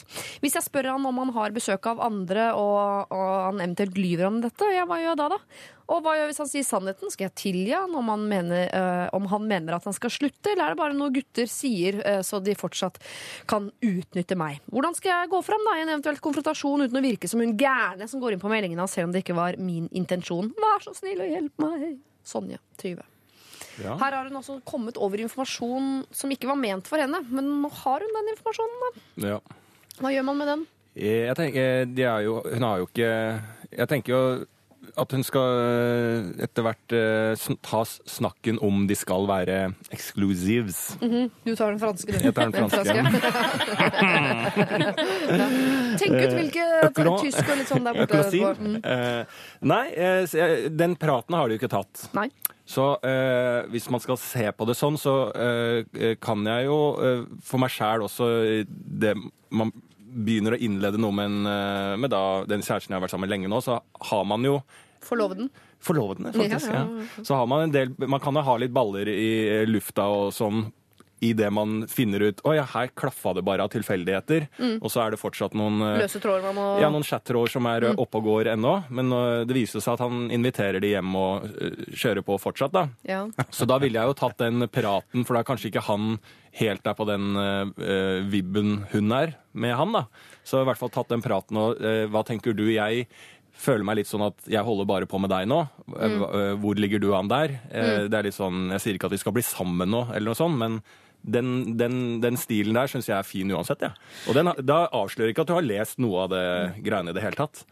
Nei. Nei, altså tenk hvis altså, Hun stiller jo et spørsmål her som er uh, Hvis jeg spør, er vi exclusivos? Uh, det er da spansk. Ja. Jeg gikk for det. Uh, altså Hvis hun spør er det, er det bare meg, og han da lyver, da er, tenker jeg, da pakker du saken din, og så går du. Og Ja, hva er å ljuge, da? Hvis han sier ja, det er bare deg og meg. Nei, da, da, Skal hun da klinke til med DNA og det hun måtte ha av bevismaterialer? nei, da tenker jeg Hvis det hadde vært meg, så tror jeg jeg ville bare Det, det er jo på en måte tross alt bare tre uker i hermetegn. Jeg tenker jeg ville, Da ville jeg bare gått Ja. fra og tenkt sånn Nei, men da var ikke Da deler ikke vi samme verdigrunnlag. Eh, og da kan ikke Da er det ikke så mye å bygge videre på her. Nei. Trenger ikke å begynne å si sånn Ja, men jeg så at du eh, bla, bla, bla. Eh, at man klarer det, da. Jeg vet ikke om jeg hadde klart det, så man først blir sur. Da smeller man de, Ja. det man har i bordet. ass. Jo, Ja. men det, hvis, hvis hun sier det, så sier hun det. Jeg tenker det er, Men som Stille sier, prøve å ikke si det. Men hun har jo en litt sånn Hun ønsker jo litt mer med han. Eh, og nå har hun eh, Det er helt naturlig å ta en sånn samtale. Hva tenker du, er vi litt eh, eksklusive? Så det, ta det på rar, rar norsk. eh, så eh, ja, så da kan hun har den muligheten å ta den samtalen, og så sitter hun også på informasjon som vet at uh, han lyver eller ikke. Men det er han som snakker om vårt rom, og når vil du ha barn? Det er han som kjører det toget, da. Jeg vil gjerne si noe. Ja. Du har vært stille lenge, er Jeg har for vært du vet hvilket land du skal eh, dra til for å si Åh. ordet eksklusiv? Uh, Tysk, tysk. Nei, nei, jeg tar det kjedelig og sier exclusive. Ja. Oxford-engelsk. Oxford-engelsk. Ikke bare engelsk, men Oxford-engelsk. Det er såpass spesifikt her. Men jeg, jeg, jeg nå, nå Det er veldig døvt å bli han moralisten. Eh, eller døvt, det skal man ikke si. Det er Dølt. Dølt. Mm. dølt å, å bli han eh, moralisten. Men nå gjør jeg det. Nå- nå- nå blir jeg moralisten. Hopp i det. For at jeg føler En fyr, da, som eh, Som da snakker om vårt rom. Og legger liksom løp for barn og sånn. Og, og liksom bringer den type samtaleemne på banen. Samtidig som man liksom uh, kjører eh, unevnelige ting med, med et utall andre kvinner. er det en fyr du vil dele livet med i det hele tatt? Nei, jeg For syns at ikke det. han, han, altså hvis han Det er greit at de ikke har definert at de er eksklusive og sånn, og, Og hvis han bare hadde vært sånn kjekk og grei, ja, nå kommer du hit, og så er det oss for de neste timene, og så får vi se hva som skjer. Men når han begynner å prate på den måten samtidig Det er moralsk brist, altså. Dette er, er moralsk brist. Jeg er. Jeg, jeg, jeg ville ikke blitt sammen med fyren, jeg. Men det er jo mange gutter som er uh, ræva mennesker helt til de får seg kjæreste og skjønner at eh, de må komme over til den lyse siden i livet. Det er jo det Kan jeg få lov til å bare også si det er mange folk? Altså, det er noen kvinner i den leiren der òg. Ja, Det er jo det. ja. Ja det veit ikke jeg nå om, men det er Jo da, fint at du da, er åpner opp min verden for Ja. de greiene der. Det er så mange de- falske kvinner. Jeg vil også Ja. bare si at det er helt sant. Ja. Og jeg har møtt noen av dem opp igjennom. Og det er ikke bare et manneproblem, det der. Greit. Jeg skal samle meg, jeg skal skjerpe meg før vi går uh, videre. Dette er Lørdagsrådet På P3. P3. Eh, hun vil ikke konfrontere han med den informasjonen hun sitter på, men hun vil liksom finne ut av hvordan han ligger an i løypa.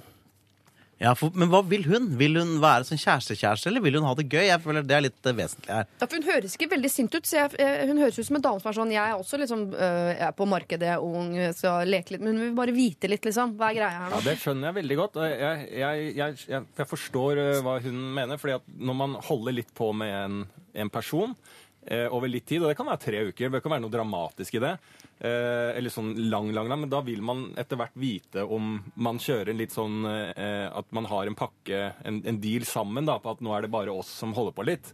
Eh, og det, det syns jeg at eh, Det er vel det hun er ute etter. Og det er ikke sikkert hun hadde øh, hatt det behovet etter tre uker hvis ikke hun hadde dumpet borti den informasjonen han dumpet borti heller. Hun kunne sikkert bare holdt det litt sånn løst lenge, hun. Ja. Sonje, tror jeg. Men nå har hun jo plutselig fått litt sånn hard facts på at han holder på med noen andre damer. Og da blir man jo skeptisk. Kanskje hun blir enda mer hypp på ham nå.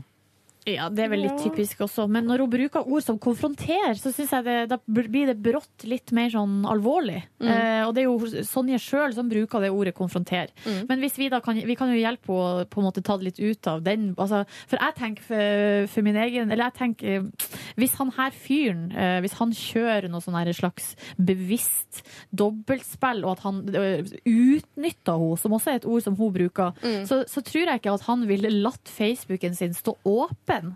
Eh, og masse meld chatter. stå- Altså hvis han helt bevisst har tenkt sånn Nå skal jeg, skal jeg lure hun jenta her. Eh, hvis dere skjønner Ja, ja, litt hva jeg mener. Ja. Sånn at jeg, jeg tror kanskje at eh, hvis hun er litt sånn chill på det, eh, så virker det jo litt som at han er chill på det òg. Og at hun kan si sånn Du Facebooken din sto åpen, liksom, og der, der er det chat som står og blinker med noen dame som du ligger med. Hva ja, hva skjer med det, liksom? Ja. Eh, det trenger jo ikke liksom å hvis, ja, Det trenger jo ikke å være den store konfrontasjonen. Hvis ikke det er det Sonje vil ha. Her kommer et forslag fra meg som er veldig lite typisk uh, meg å komme med. Uh, fordi det er i et sånn hvit løgneland. Uh, men kan Sonje spørre på egne vegne? Sånn, hva tenker du om andre gutter? Det er lurt, vet du. Jeg har bare fått eh, møtt en fyr liksom, som er hyggelig. Jeg tenkte kanskje vi skulle gå ut og ta en pils eller sånn en dag, men så, så tenker jeg at det Nå er jo ikke vi noe eksklusive her, men det vil du kanskje vite om. For hvis det er noe du har problemer med, så syns jeg du skal få lov til å si det nå, før jeg faktisk går og tar den ølen. Bare for å sjekke hvor, i hvilket landskap han er. For han er sånn, Herregud, knull eller nabolag om du vil. Så skjønner jeg, å ja, du er en sånn fyr, ja. Ok, ja. Mm. Jeg, jeg tipper at han kommer til å si at han ikke liker det. Ja. Men det er jo også litt sånn trist at du liksom må begynne med litt sånn småljuging for å Ja. få vite det du vil. Du må ikke, Men, det, men igjen, det kommer an på hva hun vil. Da, hvis hun bare vil ha han som en fyr. Men jeg tror hun, hun er jo litt hypp på å bli sammen med fyren. ja. På et eller annet nivå. Hvis ikke hadde hun ikke sendt inn. Hvis det bare var liksom eh, en annen fyr hun eh, holdt på med fordi de begge trengte sex og nærhet, da hadde ikke denne meldinga dunka inn. For da Nei. hadde hun gitt litt F. Det er ikke en tøm og røm-situasjon, dette. Nei. Så jeg, jeg fremdeles er sånn jeg er litt skeptisk til han fyren siden han liksom i måten han snakker på, nærmest bygger rede. Ja. Eh, mens han da i virkeligheten eh, ikke gjør det. Kanskje en kvinnehoarder som bare samler kvinner inn i redet sitt. Ja, det er vakkert å tenke på. Ja, men er det ikke, Hvis man er litt ung og sånn, hvis det var det de var litt Ja. unge og sånn, så er det jo det er jo den evige greia at det er, to, det er ikke sikkert de er på samme nivå av hva de ønsker. Er det ikke så enkelt, da? At mm -hmm. det, det virker som kanskje de er litt på forskjellig nivå der. Der han eh, har uttrykt seg mye som har gjort slik at hun får følelser, men kanskje ikke han er så bevisst på det Ellers har han lært seg å snakke et språk som han vet at mange jenter liker. Ja. Altså, han har allerede nevnt barn altså, i vårt rom, og herregud, Ja, da må jo pladask for de greiene Ja, der. og da, må man, eh, og da syns jeg uansett fint å Jeg, jeg syns hun vinner alt med å ta en sånn derre Hva tenker Er det, er det bare oss? Hvis hun har den samtalen, Så vi, da får hun jo svar på alt. Mm. For hun sitter Ja. på informasjon. Da får hun svar på alt hun ønsker ved å stille det spørsmålet eh, og finne ut av det. Men Lars, ville du som eh, Lars Berrum, 21 år, sagt sånne ting som det beskrives her, til en jente? Fy faen, jeg har sagt så mye Samtidig. dumt. Altså, Har du jeg, det? ja, ja, jeg- Altså, folk skryter på seg av å være jordmødre for å få pult, liksom. Altså, Ja, det er jo altså, sånn folk ja, ja. holder på. Ja, men også sånn dumme avgjørelser som jeg tenker liksom er fornuftig der og da. Og helt sånn, jeg, jeg, skal ikke, jeg har ikke noe rent uh, Folk eh, skryter på seg. ja. Er det sånn, er det icebreaker? Ja, det er jo søkketriks for, tenker- for menn, det. At, hva jobber du med? Jeg er jordmor. Og jenter bare «Å, herregud, han bringer liv til verden. Han må jeg ligge med. Ja, han er mannlig Ja, ja, ja, ja! ja, da sånn forstår jeg. På 19 år? Ja, ja, folk driter i det. Og så Altså, låne hunder, gå tur med Ja. hunder i hundepark, og låne babyer eh, og gå tur med det. Uh, skal visstnok være noe slags chick magnet. mm, Mye der. Det er mye der. Sykepleier også er faktisk ganske bra. Nå er jeg sykepleier, da. Ja, Men det var ganske bra. deg. Ja, eh, jeg prøvde meg litt som lege òg. Det er ikke like attraktivt, men idet jeg bare sa hva jeg var, sykepleier, så var det mye mer attraktivt. Ja, det er jordnært, vet du. Ja, omsorgsyrker. Og Og, slipper å liksom Lege er ikke overbevise at det er omsorg, ikke sant? De har er jo folk i narkose, og sykepleier er bedre greie. Sonja, 20. Eh, du må finne ut av hva slags fyr dette er. Du må finne ut av hva det er du vil med denne fyren. Og så må du ikke tenke at det er en konfrontasjon. Det er litt farlig språk. Gjør det litt mer ufarlig, og start bare en helt sånn uskyldig samtale der du ikke nevner hva du har sett eller noen ting, bare for å liksom sondere terrenget litt. Hvor er det vi er? Og at det kommer fra deg, det gjør jo ikke noe. Han har egentlig starta med vårt soverom og når skal du ha barn osv. Så, videre. så du tar samtalen bare litt lenger for å finne ut av hva slags fyr dette her egentlig er. Og vi skal til et land jeg er glad i, og til et problem jeg aldri har vært borte i eh, før. Eh, og da blir jeg jo enda mer glad enn eh, ellers. Eh, hvis du sitter i et annet land og tenker at du har et problem som jeg aldri har vært borti, så send inn eh, ditt eller alfakrøll.nrk.no. Vi skal til Amsterdam, folkens. Oi. Har du, har du vært der, Lars Berrum? Om jeg har vært i Amsterdam. Jeg har aldri vært i Amsterdam. Håvard Jeg har har ikke aldri vært der. Nei, da må Nei. du reise. Eh, Hva med deg, Silje? Ja, vært en gang på jentetur med de beste jentene, og vi bodde i husbåt. Et lite tips her fra meg. Ja. Det må man faktisk uh, gjøre. digg. Er det topp tre byer du har vært i? Bo, det kom litt brått på. Ja, Men, men, eh, om jeg skal, om jeg skal liksom prioritere Ja, å reise altså. litt fort? Ja? ja. Eh, 100 ja herfra. Og, og du? Nei, ikke. Topp tre byer. Nei. Nei, ok. Nei, da skal jeg vurdere. Vi lager hver vår liste på det, da, så legger vi det på Facebook. ok? Vi Ja, tar en topp tre byer fra alle fire. Så se om det er noen byer som, som går igjen der. OK. Trude og Henriette. Vi bor i Amsterdam og har et knivslikkerproblem. Eh, what? Et knivslikkerproblem. Ikke Ja. tenk koffert.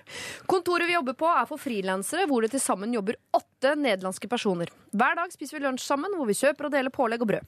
En dame på kontoret, Marit, slikker på kniven sin etter at hun har brukt den i smør, leverpostei, peanøttsmør osv. Det er ikke et lite diskré slikk for å fjerne pålegg før hun dypper det i den neste. Hele kniven forsvinner inn i munnen, etterfulgt av slikk for å rense kniven ordentlig godt. Hun slikker seg også på fingrene og hoster i hendene sine før hun tar i mat vi andre også spiser av. Marit er en voksen dame, over 40 år, med en sønn som ofte er syk, noe hun også er. Vi er to kollegaer i slutten av 20-åra som flyttet inn for to måneder siden. De andre på kontoret har jobbet og spist lunsj med Marit i flere år. Vi syns dette er kjempeekkelt og har sluttet å spise flere av påleggene vi betaler for, eh, og selvfølgelig gjerne helst vil spise. For hver lunsj må vi holde styr på hvilket pålegg hun har dyppet kniven i, og i perioder har vi kun spist ost. Vi, spist, vi mister matlysten og føler oss uvel etter lunsj ved tanken på hygiene. Så har vi forsøkt å legge en kniv for hvert pålegg, da, i tillegg til å nevne at dette er en mer hygienisk måte å gjøre det på, men det er uten hell. Da beholder Marit en av knivene hun og fortsetter i kjent spor. Tanken om å starte en egen matordning har slått oss, men vi ønsker ikke å bli oppfatta som sære. Ordningen vi har nå er jo egentlig kjempebra, både i forhold til samhold og økonomi. Det er bare at Marit ødelegger med dårlig hygiene. Vi har også spurt de andre nederlenderne her om dette er noe kulturelt, men det virker det ikke å være. Det kan også nevnes at vi begge nylig var syke, noe vi er overbevist om at kommer rett fra Marit. Så hva skal vi gjøre? Hilsen konfliktsky Trude og Henriette. Dette er jo, det er jo helt uakseptabelt.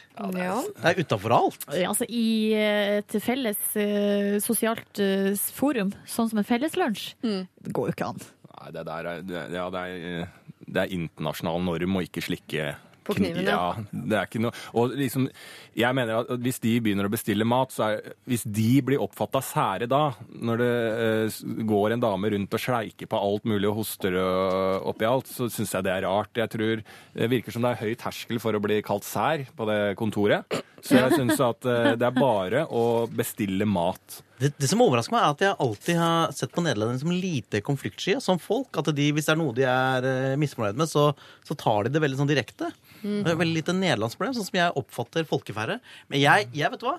Dette her ville jeg, her ville jeg gått hardt ut. Jeg ville tatt det i plenum. Ja. Rett og slett. For å, bare for å få røyka ut. Og for noen ganger må du bare krangle litt for å komme deg videre. Ja. Her, her, ville jeg, jeg ville ikke begynt med noe felleslunsj eller noe sånt rart, for da blir det bare liksom kikka litt rart på, og så, og så har all den litt sånn rare hemmeligheten som ingen snakker om. Her ville jeg, vil eh, ville jeg gått hardt ut. Tatt konflikten.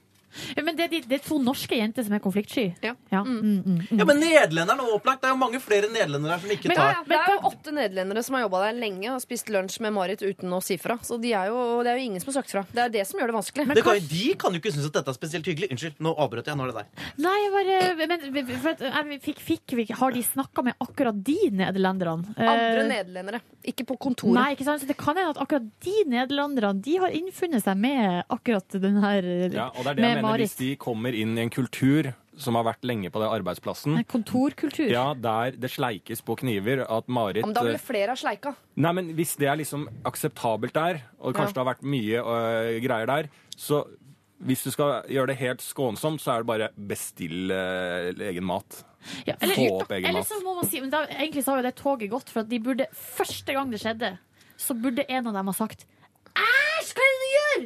Ja, ja, Sånn. ja, ja. ja. Og bare den første tanken må ut. Eller sånn for å For at nå, for hver gang de unngår å si noe, jo større vokser jo denne elefanten seg. Ja, men altså, de hadde må- folk de må vært flinkere til det, så hadde vi jo ikke hatt problemer her i verden. Hvis alle bare hadde sagt fra med en gang, så hadde, da måtte vi lagt ned dette radioprogrammet. Nei, og det sagt vil vi jo takk, ikke. takk for i år. Og, og så er jo dette her Dette er jo ikke et sånn vanlig arbeidsplass der det er sjefer og ansatte. Dette er et eh, Det er forskjellige frilansere leier seg inn. Mm. Sånn at alle har jo like mye rett, og alle betaler like mye på, på den maten. Mm. Så det er klart at da må det være fair å ta eventuelle konflikter i forhold til eh, både hva man kjøper og hvordan bestikket brukes. Bare lov å, bare lov å ta, ha en felles diskusjon på. Det som er det vanskelige er at de må ta det direkte med eh, Marit. Fordi hadde de hatt en felles sjef, så kunne de sagt du, kjære sjef, når du må ordne opp Marit Herpe-lunsjen, men her må konfliktsky norske Trude og konfliktsky norske Henriette gå bort til Marit på over 40 år, som har sleika på kniven de siste, ja, antageligvis hele livet, og si det greiene du driver med, er ekkelt. Men hva om de får inn noen fra liksom det nederlandske stats eh, smittevern, eller altså en slags eh, en kompetanse på området, en autoritet, inn i kontorlandskapet som kan komme i lunsjen og evaluere. Og da vil jo den personen ganske kjapt si her er det et eller annet som er feil, her er det en ukultur, eh, og da blir det en tredje person da, som sier fra. Ja, det tror jeg er vanskelig å få, til, få det offentlige offentlig til å ta ansvar. Men her, altså, du må, Den må du må, leie inn. ja, men du må jo drive, du må drive politikk innad i Du må få folk, unnskyld, du må få folk på din Ah, side. Du må, du må lobbe mot de andre nederlenderne. Eh, og jeg er sikker på, hvis de ikke er Unnskyld. Helt sjuke i huet. Jeg skal bare smitte dere siden vi er på, siden vi er på smittepakka. Men du, du må jo lobbe. Du må få flere nederlendere på din side. Og så må man ta en felles hard front. Dette er såpass alvorlig. Her må vi gå på. Ja, det- Jenter, det- dere må bli voksne, sier jeg. Men det er jo litt sånn eh, Litt sånn så der slemt eh, Ja, for at man går, skal gå bak Marit sin rygg og snakke om henne og sånn. Det er litt sånn eh, Nå har vi samla oss her mot deg! intervention. Intervention, ja. Men, Men altså, det er jo- hun trenger intervention, for at det er jo en sykdom. Og Ja, også og gjøre det der. problemet her er jo at hun er eh, at hun, uh, Altså, de er konfliktsky. Det er Ja. problemet. Det er det er, Jo, men Det er en veldig deilig tittel i seg selv også, som okay. alle mennesker bruker for å slippe unna. Ja, men de har to valg, hvis vi skal gjøre det veldig sånn enkelt. Så er det to valg. Altså enten så må vi gjøre som Håvard ha en fellesmail, kanskje de har en fellesmailtråd på det huset, eller ta et sånn møte, innkalle til et møte, der vi synes at den hyg hygieniske rundt uh, lunsjen her er litt dårlig ved å sleike på kniver og alt sånn, og vi, vi, bla, bla, bla. Så må de ta den uh, kampen. Ja. Eller hvis det skal være og er konfliktsky og skal komme seg ut av det her, så må du rett og slett sørge for å ha egen mat. Og da kan en skylde på I Norge så har vi noe som heter matpakke. Så kan de ha litt sånn matpakke, Ja. og så kan de Ja, vi er Dugnad, Ja, ja, altså, dugnad og snus. Ja, Have you heard about snus? Russetid. Ja, Ja. ja, så kan de ha den lille artige greia med matpakke, da, og at det er typisk nordmenn. Eller Trude og Henriette, så kan dere anse dette her som en gyllen anledning til å øve dere på å bli mindre konfliktsky. Denne gangen er det Trude, neste gang er det Henriette, som må gå bort til den personen det gjelder, og si det som det er. At det der syns vi er ekkelt, og håpe at det forsvinner. Så neste gang gang dere skal ta en konflikt, så har dere kanskje krøpt dere nedover skalaen fra en nier og ned mot åtte, og plutselig en eller annen vakker dag i fremtiden så ligger dere på en deilig firer der jeg mener at alle mennesker burde bo.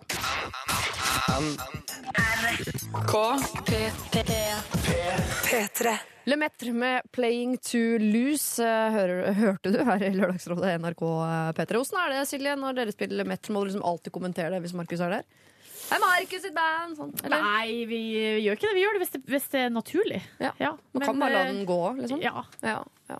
Håvard Lilleheie, dette var kanskje nytt for deg og deg, Lars Barum, at uh, Markus Neby i P3 Morgen er med i Elmeter, eller? Nei, det er ikke nytt. Ikke nytt. Det tror jeg faktisk jeg har hørt. Jeg, jeg, er- jeg er veldig stor fan av han, skjønner du. Ja. Spiller keyboard, eller? Er han det? Ja, han spiller både gitar og keyboard, men og ja, og så gjør han Han er vel ikke fast med da, men han spiller med dem når det passer seg slik. Ja, det passer du på å si, ikke sant? Bare for å rakke han litt ned. Nei. Selvfølgelig. Eh, Det bruker jeg enhver Lemaitre er vel en duo. Ja. Jeg syns han er et sånn renessansemenneske. Han er så flink til alt. Markus, ja. Han er jo det han sjøl kaller for et ydmykt multitalent. Ja. Eh, og dessverre så har han jo rett, eller han, eller han har jo rett i at han er et multitalent. Så uh, ja, man må bare bite i seg. Om vi kan si det samme om Knut, det vet ikke jeg. Eh, Han har i hvert fall sendt inn et problem til Lørdagsrådet, hvor han skriver Hei dere! Jeg er oppi et problem som jeg som gutt trodde jenter var i. Jeg har en kompis som er ekstremt interessert i en jente som har hengt en del med guttegjengen vår, og som samtidig er en av bestevenninnene til min kjæreste. Det har vart over lengre tid, altså flere år, men det har ikke vært et problem før nå. De to har bodd i ulike byer de siste årene, selv om de er fra samme sted, men nå bor de altså i samme by som jeg også bor i. Han sier åpenlyst at han er interessert i henne til andre, og inviterer henne til alt mulig rart, men mest ting der andre også er til stede. Og hun sier ja. Men så er det sånn da, at jeg har fått vite at hun er ikke interessert. Hun sier bare ja for å kunne henge mer med oss i gjengen. Burde jeg gripe inn her og si ifra at, eh, til han om at hun er ikke interessert i deg? Eller bør jeg bare holde meg unna og la naturen gå sin gang? Og hvordan burde jeg gå fram da, hvis jeg skulle ha sagt fra om dette til min kompis? Takk på forhånd, kall meg Knut. Skal Knut si dette til sin beste venn? Hun du er forelsket i, er ikke forelsket i deg. Gi opp, kompis. Gå videre. Jeg, fa jeg, jeg, jeg, jeg må Sånn at ikke jeg virker Du falt dum. av her, du. Ja, fa- ja, eller, ja, nå virker jeg jo dum. Men eh, jeg skulle egentlig bare si hvis jeg er litt stille nå, så er det fordi at ikke Å, jeg ja. skjønte det. Nei, jeg, jeg, jeg, jeg hadde tenkt å snakke, men jeg, er så, jeg har så, noen ganger dårlig samvittighet for at jeg er han fyren som alltid har sånn behov for å snakke først. Nei, Ja, men Da pleier jeg å si fra, jeg, Håvard. Ok, Hvis det ja. har blitt vært for mye av deg i begynnelsen, på en måte, så pleier jeg å si fra. Da, får jeg, har, Hold, kjør på til du blir stoppa, du. jeg, jeg, jeg vil sagt fra. Ja. Ja, for at det er så, det er så døvt. Alle, det er vel mange av oss eh, som har vært der, at vi kanskje har vært liksom eh, for interessert eh, i, eh, i, en, eh, i en jente som er litt for sånn tatt av kvinnen-aktig. Eh, Som alltid liksom har deg litt med og litt utafor. Og, og, og det er jo tydelig at hun Sånn som, sånn som premisset er lagt, da, så tenker jeg at hun vet at han er forelska, eh, men hun har lyst til å henge med gjengen hans. Og derfor så Ifølge kjæresten til Knut så har hun lagt merke til at han er interessert, men vet ikke hva hun skal gjøre. Nei, for hun vet ikke hva hun skal gjøre, nei. Nei. Uh, Det er jo på en måte ikke hennes problem. nei, det kommer an på hvor bevisst hun liksom bruker hans invitasjoner for å, for å øke sin egen sosiale status. Men eh, For de har ikke gjort noe, det har ikke skjedd noe mellom dem. jeg ville sagt det hvis jeg var Knut, ass. Tror du ikke, Kn- men burde ikke Knut vite dette? Innerst inne i sjela er, er, det, er det Knut som skriver, eller er det Knut som Nei, altså kompisen til Knut, ja. Sorry. Nei, Hvis man er forelska, så er man ikke rasjonell. Nei. Man vet kanskje at her har jeg ikke sjans, hun er ikke interessert. Eller, men det, det er ikke sånn hjernen fungerer når du er forelska. Da er det ett lite blikk, eller en liten eh, blunkesmiley, eller hvis du bare får en smiley. Mm. Allerede, altså der, da, da, begynner, da begynner hjernen å liksom tenke Hun liker sånn meg Ja, liker meg. Hun liker meg ganske så mye. Det er det hjernen tenker da. Men det vi står mellom her, egentlig, så vidt jeg kan se det, så er det på en måte at uh, man kan si, Knut kan si fra til kompisen sin hun er ikke forelsket i deg. Eh, men samtidig han må, Det kan jo hende hun blir det. Altså, Han må jo få lov til å være forelsket så lenge han vil, men samtidig så eh, kanskje ved å si fra til denne kompisen om at hun er ikke forelska, så har han muligheten til å gå videre og bli forelsket i andre som kanskje kan bli Så jeg synes det er vanskelig. Skal man stoppe han, eller ikke stoppe han? Vi skal gi deg muligheten, Lars, til å koble deg på her. For jeg pleier å eh, Jeg Ja, jeg kan skjønte spille en låt, ja. og så kan jeg oppsummere spørsmålet Jeg etter låta, og så kan du hekte deg på der. Ja. Ja, ok.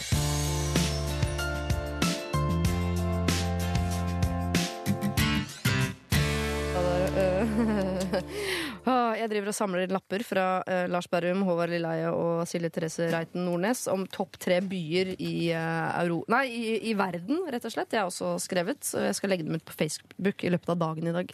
Silje, det er bare du som ikke har fylt ut noe. Hei, jeg har to. Jeg mangler én. Ja, du mangler en. Ja. Jeg synes det er utrolig vanskelig. Tenk litt mens jeg oppdaterer Lars på hva det er vi egentlig snakker om her. Vi er midt i et problem, eh, Lars. Det er en som kaller seg for Knut, har en kompis som er forelsket i en jente. Ja. Eh, Han har vært i mange mange år, inviterer henne inn, og så har det kommet han for øre via sin kjæreste, som er god venninne med denne jenta, at hun er ikke interessert tilbake. Hun bare dukker opp på alle invitasjonene hans, for hun liker å henge med gjengen. Mm. Skal han si fra og på en måte da eh, si fra gå videre? Det blir ikke dere to. Eller skal han la han finne ut av dette på egen hånd, og kanskje down the line der at hun, at hun snur? Hvem vet? Ja, jeg syn, eh, For å melde meg litt på her nå, nå som jeg har forstått eh, problemet, Ja. eh, så synes jeg at eh, han Det spørs hvor eh, besatt, da, hvis det går an å si det, han eh, kompisen er i henne.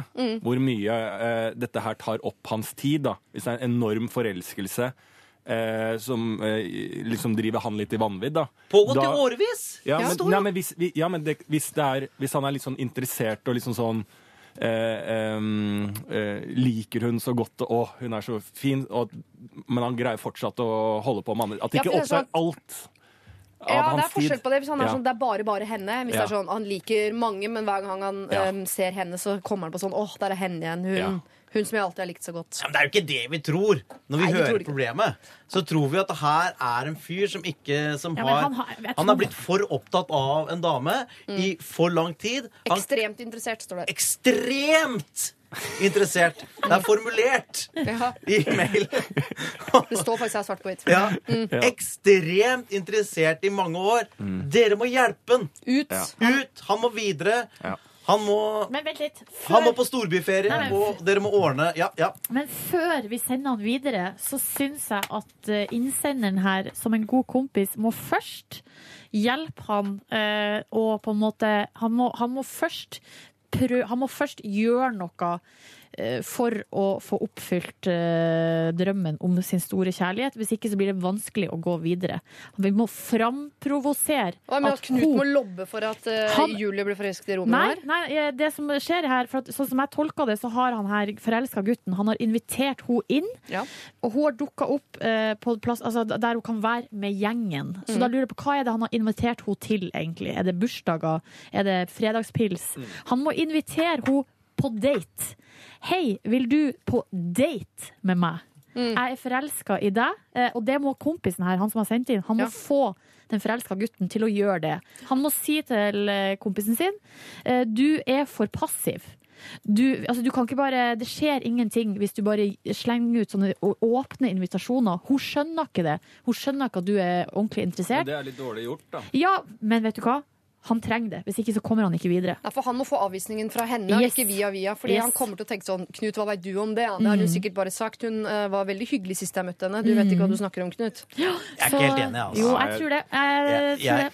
Men det, du, da må du i hvert fall si at uh, du uh, Jeg har hørt fra min kjæreste at uh, jeg tror ikke hun er så interessert i deg. Nei, men si, hun er ikke et fnugg! Ja, men, ja, men, så, men hvis du Det kan du velge å stole på. Dette er jo via via, så den informasjonen bør ikke være helt reell. Men hvis Nå har du vært ekstremt betatt av henne lenge, så nå må du steppe det opp og invitere hun med, som du sier, på en date. Eh, som du sier, Silje. Det er helt Eller, enig. eller så må du gå videre. Ja, Altså, det, eller så må du ja, gå videre. det er på en måte Kan ikke fortsette med det her litt sånn low-key Vil du bli med på sånn gruppeheng? Nei. Jeg, Knut- jeg syns det føles som en omvei. Hva da? Ja, Så jeg- jeg skal bare, bare, han, skal, han skal gå inn og på en måte avslutte dette forholdet på vegne av to andre selvstendige mennesker med uh, to armer og to bein? Hun, hun er ikke interessert. Det får vi vite. Altså, vi, må ta, vi, vi må jo ta den informasjonen vi får, ta litt utgangspunkt i den.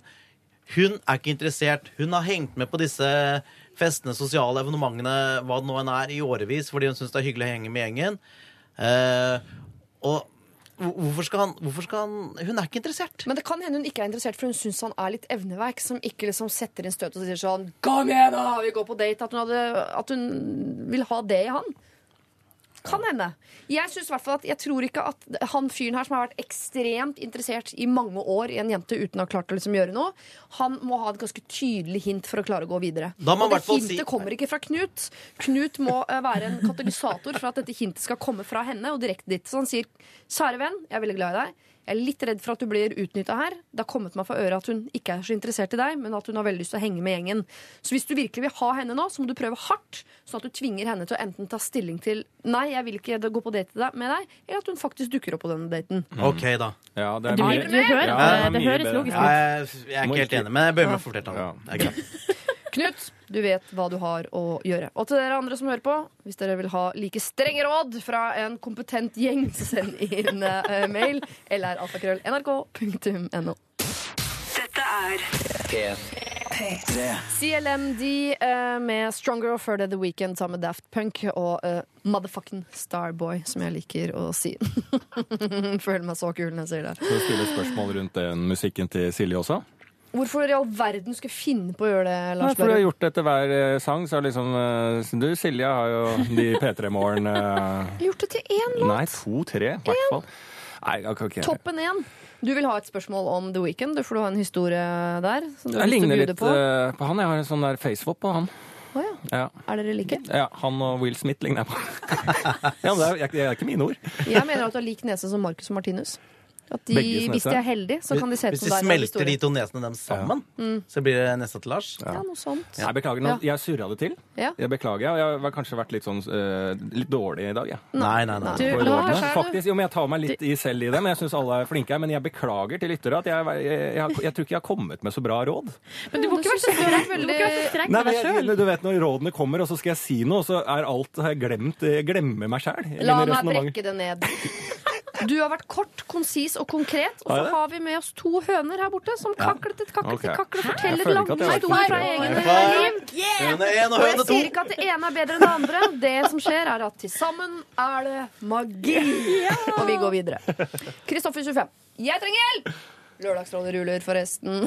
Står det så jeg ta med. I tre-fire år har jeg prøvd å komme inn på drømmestudiet mitt. For å komme inn måtte man ha veldig gode karakterer i utvalgte eksamener. Jeg kom ikke inn, og jeg hadde ingen plan B. Jeg skulle jo klare plan A.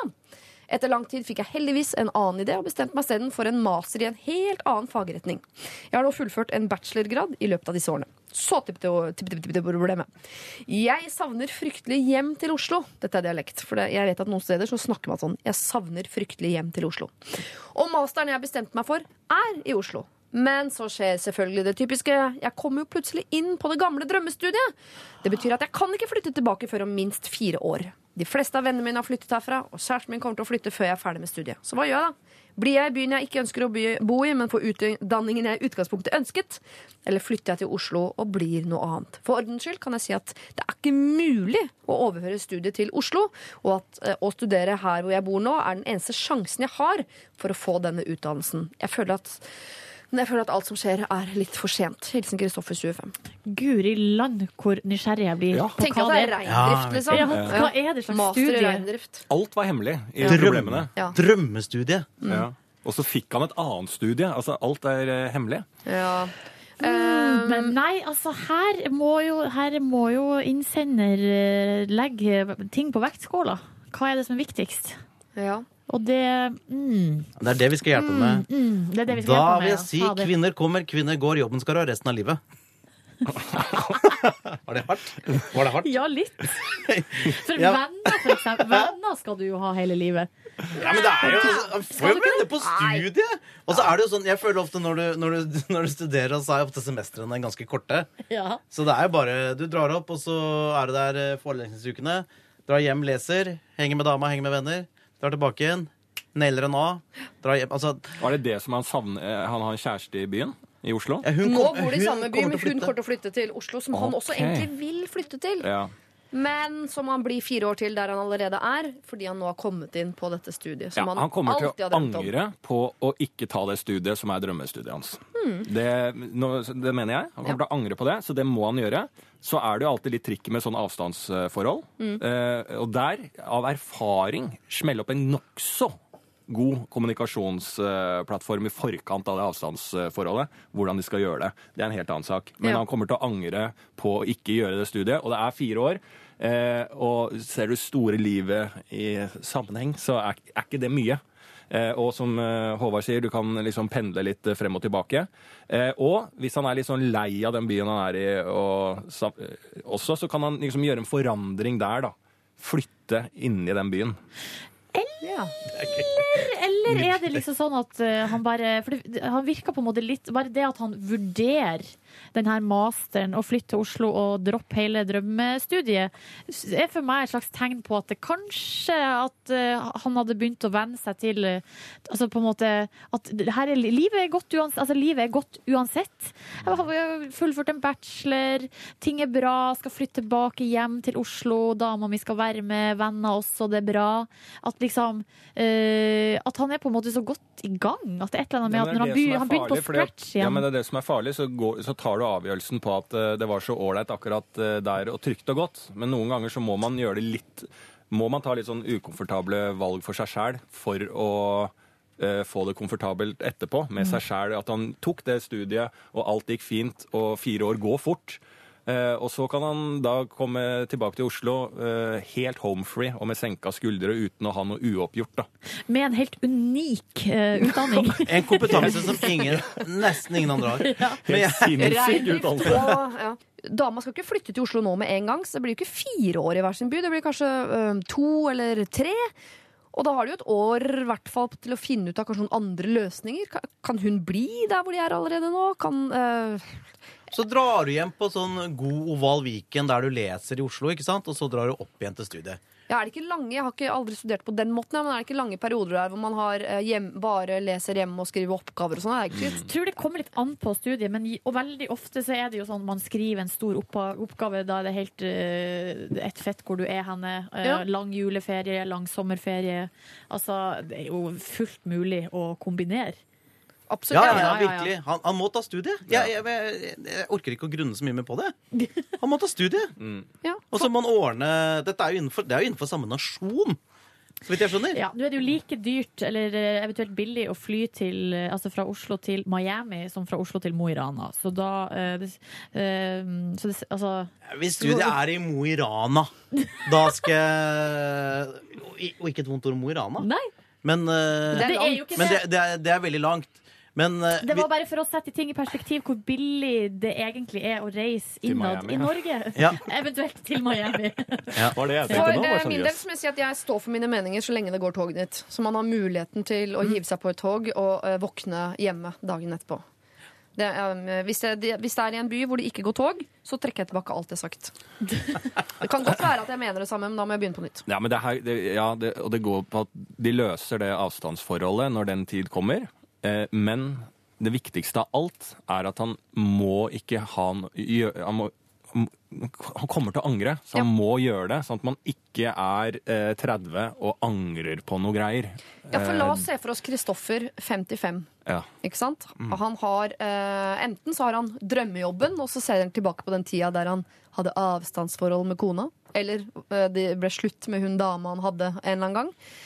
Er det verre enn hvis han sitter ordentlig drittlei i sjeselongen med hun dama han alltid har vært sammen med, og drømmer seg tilbake til reindrifta, som han aldri fikk og, har en, begynt med? og har en jobb han ikke liker. Mm. Han må gjøre det. Følg drømmen, da. OK, jeg er Mm. med. Ja. Mm. Da er vi i unison herfra. Unisont råd fra Lørdagsrådet denne dagen, altså, Kristoffer. Du er nødt til å bytte studie. Begynn på drømmestudiet ditt. Få det til å fungere. Og husk at det er billige billetter til Miami. P3. Dette er Lørdagsrådet på P3. Tory Lanes Love har vi hørt her på P4. Nei da, det er så fristende å si det når har sånn type utro. Du hører på P3. Slapp av, ta det helt med ro. Du trenger ikke å begynne å skru og knotte. NRK P3, Lørdagsrådet. Silje Therese Reinten Nordnes, Håvard Lilleheie og Hva Lars heter du igjen? Femanger Berrum. Lars Femanger Berrum. Er det sant eller løgn? Det er sant. Er det sant? Femanger er fint, ass. Ja. Hvor kommer det fra? Ja, Det det, er Fra fra, mamma Stril fra Femanger. Så det er et sted, et bitte lite sted uh, ut forbi Knarvik, i, eh, og, som igjen er ut forbi Bergen. Ikke sant. Er det et sted forbi Bergen som heter Knarvik? Mm. Ja, Det er vet kjempegøy å tenke på. Jeg har faktisk snakka om det på et tidspunkt i P3 Morgen. Eh, Er det noe du ikke har snakket om i, Nei. på et eller annet tidspunkt i Nei, det er veldig lite. Men eh, i hvert fall så Jeg synes jo det var så ut, det, det var en artig nyhetssak fra Knarvik, der på en måte hele vitsen for min del gikk på at eh, jeg trodde sånn, jeg helt oppriktig trodde at det heter Knarkvik. Så jeg satt jo da i fire minutter og flira og hadde det så artig med denne plassen som heter Knarkvik. Og, og, så, og så kom det bare en million SMS-er fra folk som bare Silje, det heter Knarvik. Premisset for den vitsen Ja. er litt uh, feil. Nei, likevel, det, er, det er en blemme det er verdt å gå på. Vet du. Ja, ja, Altså, det er ja, ja, ja. såpass gøy. Men, uh, Du ler av det, alle vi andre ler av deg. Ja. Ja, Men på nordnorsk, når du sier det, Knarkvik, Knarkvik. Da, da høres det ut som eh, noe som kan hete. Ja. Ja. Knarkvik. Knarkvik. Ja, ja. Men det kan jo hende at eh, folk kaller det for det på folkemunne. Ikke vet jeg om de sliter med et alkoholproblem i Knarvik. Aner ikke. Nei, det tror jeg ikke. Ikke noe mer enn eh, andre Moss, på en måte. Nei, jeg bare sier steder. Dere, vi skal eh, til en som heter Thea, som er eh, 26 år gammel. Og det er et økonomisk spørsmål, dette her. Mhm, det er ofte de tøffeste, faktisk. Hei, dere. Jeg og samboeren min har nettopp kjøpt felles leilighet, og all voksenetablering begynner å ta form. Vi har bodd sammen tre år i kollektiv, men da har vi bare kjøpt litt mat her og litt mat der, og bare delt sånn cirka likt på det uten å tenke noe særlig over det. Kollektivlivet er uansett et gigantisk dragsluk, så alt som kommer inn døra, blir bare sugd ut i samme mølja. Vi har likt det, altså. Ikke et eneste vondt ord om kollektivlivet. Men nå skal vi da overføre en sum hver på felles konto som skal gå til mat. Så hvor mye penger skal vi overføre? Jeg er i utgangspunktet for å dele alt likt. Det gjør vi med alt mulig annet. Men han spiser jo helt åpenbart mye mer mat enn meg. Jeg vil påstå dobbelt så mye. Så syns dere vi skal sette inn likt beløp? Jeg skal fortelle litt om kjæresten min før dere svarer. Han er superdigg, og da mener jeg sexy, liksom. Han trener mye, og det er fordi han driver med en seriøs sport. Derfor så veier han jo også da 90 kilo, mens jeg veier bare 55. Ok, kanskje 60 på en dårlig dag. Men han spiser jo mer mat enn meg. Han spiser så mye at vi har aldri restemat. Og han vil helst ha middag med kjøtt, og kjøtt er dyrt. Og han mener, han mener at jeg kjøper dyrere ting enn han, som f.eks. Biola og økologiske gulrøtter. Men jeg mener han kjøper mye kjøtt og planlegger dårlig ut fra hva vi har liggende i kjøleskap fra før. Og så glemmer han sånne basic ting som olivenolje og håndsåpe. Så blir det kanskje mine handleposer litt dyrere, men så kjøper jeg jo mer enn bare ett måltid av gangen, da. Shit, jeg vet ikke hva som er rett å gjøre her. Jeg. Stor klem fra Thea. Og tilleggsinfo. Jeg må ta med tilleggsinfo. Ja. Han tjener mer enn henne. Og han tjener eh, sånn markant mer, må vi anta, da. La oss gjøre det for å tilspisse problemet. Han er en Superdigg fyr med god lønn. Ja. Hei, Keep up. gratulerer! Hei, Shut up! High five, girl! Bare sitt Jeg ble også litt helt interessert stille i båten. Ikke lag trøbbel i paradis. Ja, nå skal du være jævlig forsiktig. Eh, La oss anta at Thea er sylskarp, utrolig morsom og grisedeilig. Da, Ja, ja, det er sikkert kjempefint. Herregud, nå har jeg bilde av verdens deiligste par. ja, ja, ja. Det kan godt være det. Vet du. Men det, det som kan være en løsning, da, det er altså Slutte med den kontoen. Å ja. Og si at ja, ja, noen ganger kjøper jeg, og noen ganger kjøper du. ikke sant? Og da vil jo han kjøpe mer de tinga som han syns er digg. Eh, og så kjøper hun det hvis hun vil ha en sånn litt sånn finere såpe på badet, som kanskje ikke er så viktig for han. Men hun ville ha kanskje som Hun ble veldig sånn kjønns, kjønnsfascist, merker jeg. Men, eh, men hun, la, hun, la, hun la litt opp til det. Eh, men eh, ja, ja, bare slutt med den kontoen, og bare liksom ta det litt sånn på feelinga. Men jeg tror, ikke, jeg tror ikke greia var at hun skulle ha fancy såpe. Jeg tror det var at hun er den som kjøper såpa. Ja. Eh, sånn at hvis, han, hvis de gjør det sånn, så kjøper han bare kjøtt til seg sjøl. Men hvem er det som Eh, vasker seg mest?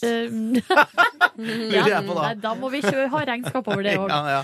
Begynner å bli vanskelig. Mm, Min første tanke var jo det at nei, vet du hva, det her bare det, Sett inn likt, liksom. Men så er det klart at eh, Og jeg ble forvirra av de her eh, at han spiser så mye dyr mat og tjener mer. Jeg kjenner at jeg ikke blir enig med meg sjøl. Nei, Ja, det må- er et litt vanskelig eh, mattestykke å sette opp, og da er det jo fristende å bare drite i å sette opp det mattestykket Ja. som Håvard foreslår. Si sånn, gå for det kollektive greia. Ja, ja. Alt skal inn, alt skal ut.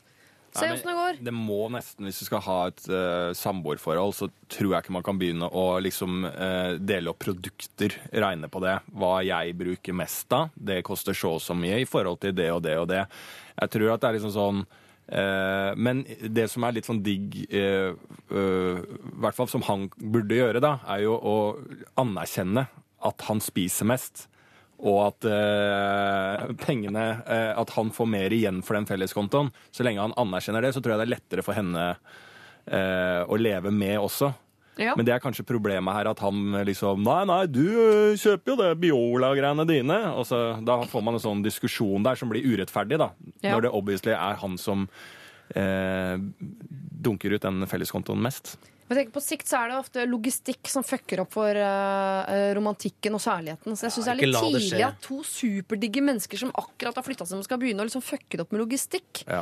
Jeg. Sette inn litt penger, kjøp, og når det blir tomt så får han gå ut og kvele en ku, da. Altså, altså må du bare se på det som en investering. Sånn, å, når jeg kjøper biff, det kommer til å bli til en ny brystmuskel på han grisedeilige typen jeg er sammen med. Bare, ja. Kan ikke bare ikke regne på krona? Ikke gjør det. Jo. Ja. Ja. Men kan jeg legge til en ting? Jeg vet kanskje det er litt sånn på overtid her nå. Ja. Eh, Vi har jo snakka en stund her òg. Men jeg vil bare legge til, for jeg hadde en opplevelse med For jeg har også sånn felleskonto der vi setter inn husleie.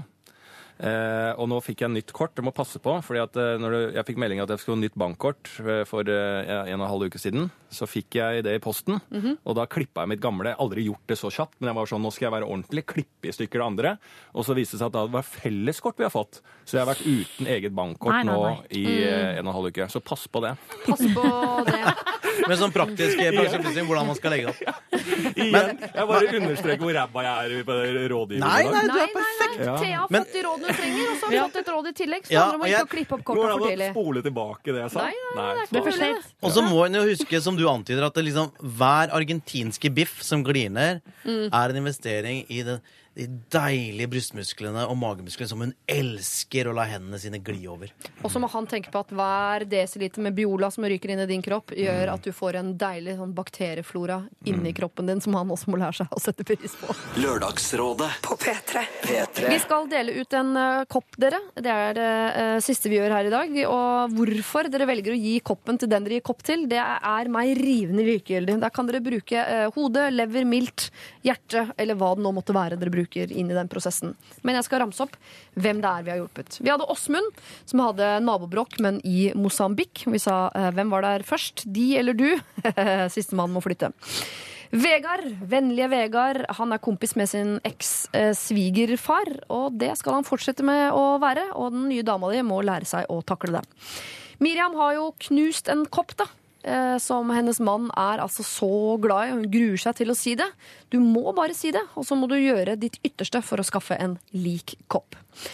Sonje er eh, i stuss over datingen eh, i den moderne verden. Altså Hun er på dateren med en fyr hun har truffet på Tinder, men så viser det at han er på date med en hel del andre folk også. Og her må du igangsette en eller annen prosess som han egentlig har startet, nemlig spørre hvor er vi egentlig? Så har vi Trude og Henriette, som er i Amsterdam. Eh, De har en slags kollega som sleiker på kniven mellom hvert eneste pålegg hun dupper den i. og der eh, ble vi vel egentlig aldri enige om noe, akkurat hva de skulle gjøre. Eh, men det kan jo være en fin øvelse i å ikke være så himla konfliktsky.